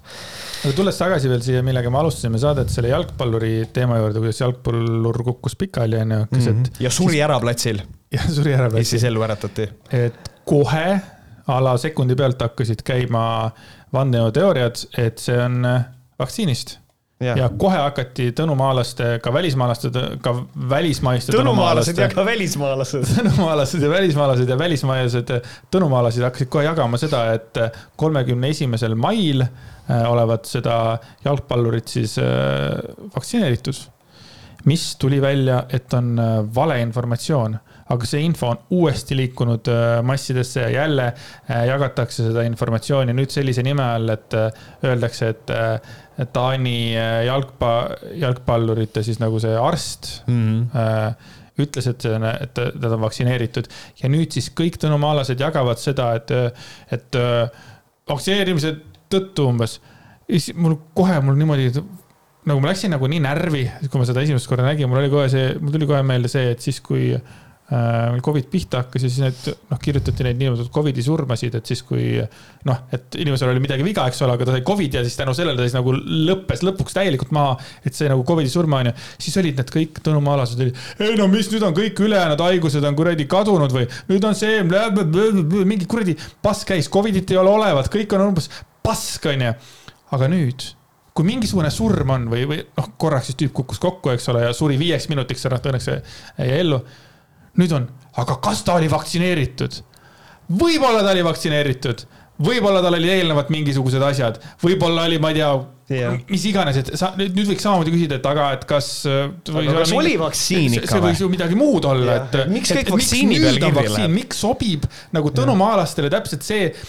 tähendab, miks sobib, no ma saan aru, miks sobib, aga täpselt see, mis neile sobib, seda nad nagu räägivad, et nagu äh, no ma ei tea, minge putsi selle teemaga tegelikult. Eh, tahan eh, siinkohal ametlikult kiita Andreast, see on eh, suurepärane mõte, see on suurepärane leid, mida mina ei, mina, mina seda, mina selle peale ei mõelnud. Amazing, väga hea töö. et see on tõesti, see on väga hea tähelepanek, et äh, nemad ise kirjutavad kõik asjad vaktsiinide peale samal ajal, kui nad kirusid, et kõik asi kirjutatakse koroona alla. et nad on, nad on fucking idioodid ja see oligi, see oli veel mõni tund enne seda, kui ma äh, põhimõtteliselt ju stuudiosse tulin, veel Meeli Lepson alles jagas seda äh, jalgpalluri asja, nii et see asi on ikkagi, ikkagi väga perses, et. äh, aga, aga ma nagu jälle mõistan jumala hästi neid inimesi, kes nagu hakkavad kohe mõtlema selle peale, sellepärast et minul tekib ka segadus, ma ei saa enam aru putsi, mis on õige, mis on valeuudis mm. -hmm. nagu noh, selles mõttes, et mitte, et ma oleks mingi eriline, aga lihtsalt, et ma ütlengi, et minul on igatahes ka juba raske aru saada, kus on nagu see nagu vale ja õige uudise teema nagu, et aga kindlasti, mis ei ole valeuudis, on see, et kui äh, te liitute meie Patreoniga, siis te saate natukene rohkem podcast'e kuulata.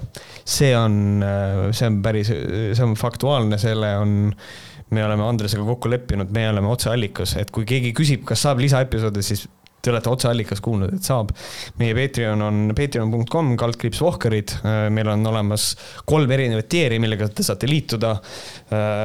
üks, viis ja kümme, alates viie eurosest liitumisest saate lisaepisoodid. ehk siis see on see recommended package. ja siiamaani me oleme suutnud terve Patreoni aja kaks lisaepisoodi anda kuus, mis on meie, meie puhul päris palju, sest me anname kaks tavaepisoodi kuus või kolm enam-vähem äh, jah. kaks või kolm on ju, et siis tegelikult te saate poole rohkem võhkareid Patreonis, et ja seal me suht- oleme võib-olla veel avameelsemad ja võib-olla veel kurjemad mingite rumaluste vastu. suht insane, kui palju ma selle mehega pean koos aega veetma, te ei kujuta ette tänu sellele, et me Patreoni tegema. no erinevalt Märdist, mina olen väga õnnelik, et ma saan sellise mehega aega veeta selles mõttes, et on äh, väga Lihtsalt lahe. oletas kohe, et nii selge ja, ja, et äh, see oli hea, hea nipp äh, Märt endaga aega veetma veel rohkem äh, panna. just see oli see on manipulatsioon see oli manipuleerimine, sada protsenti. ja siis muidugi. ta hakkas erilase pesaga tegema, sellepärast minuga tegelikult teha seda. kõik, kõik see viis sinna algusesse välja, pikk tegi liin. lihtsalt mingi kuus-seitse saadet Jüriga, et äh, ja siis saame Märdiga külla ja siis kutsume Märdi külla, siis kutsume ühe korra veel. Vau, oleks, oleks, suudaks nii pikalt ette mõelda. ja, ja plaan aga nii, aga kusjuures, sorry, nüüd tuleb jälle see jutt, aga, aga niimoodi, täpselt niimoodi vandenõuteoreetikute arvates äh, riigijuhid ja kõik see, kõik niimoodi käibki. et kõik iga samm on, on välja mõeldud, täpselt samamoodi. Mhm. ja, ja, ja mulle meeldib see, et Orwelli tuhat üheksasaja kaheksakümmend neljaga võrreldakse kõiki. Vaene Orwell, vaene Orwell sest et nad ei, neil puudub absoluutselt igasugune arusaam sellest. ja muide, mulle Orwelli raamat väga meeldis. mul, mul on see olemas ja, ja nagu mulle, mulle meeldis see raamat ja see on nüüd ka vist näidendina väljas ja, ja vist rääkisin ükspäev Lemmele, et, et võiks minna vaatama ja ta peaaegu postis piletid ära, aga siis hakkas kahtlema, et äkki mm., äkki ma niisama ajasin Joorupit, aga nüüd mul tekkis jälle isu, et minna. sa mõtlesid lavastust, et lavastus on väljas äh,? mis see näidend lavastas? näidend on tekst kuidas sa seletad, sa oled Mhm. näitleja, sa siis, mm. -hmm. näidend on tekst. ma lähen näidendit vaatama. ei, sa lähed etendust sa teed vaatama. nalja või? ja, ja eh, näidend ja eh, näidend on tekst. näidendist tehakse lavastus, lavastus on lavastaja nägemus, aga sa ei näe kunagi lavastust, vaid sa näed lavastuse etendust.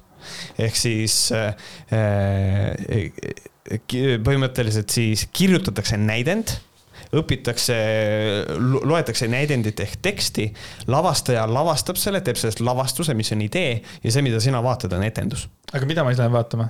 etendust. või, aga sa, kui sa ütled, et sa oled lavastust näinud, siis see on ka fine.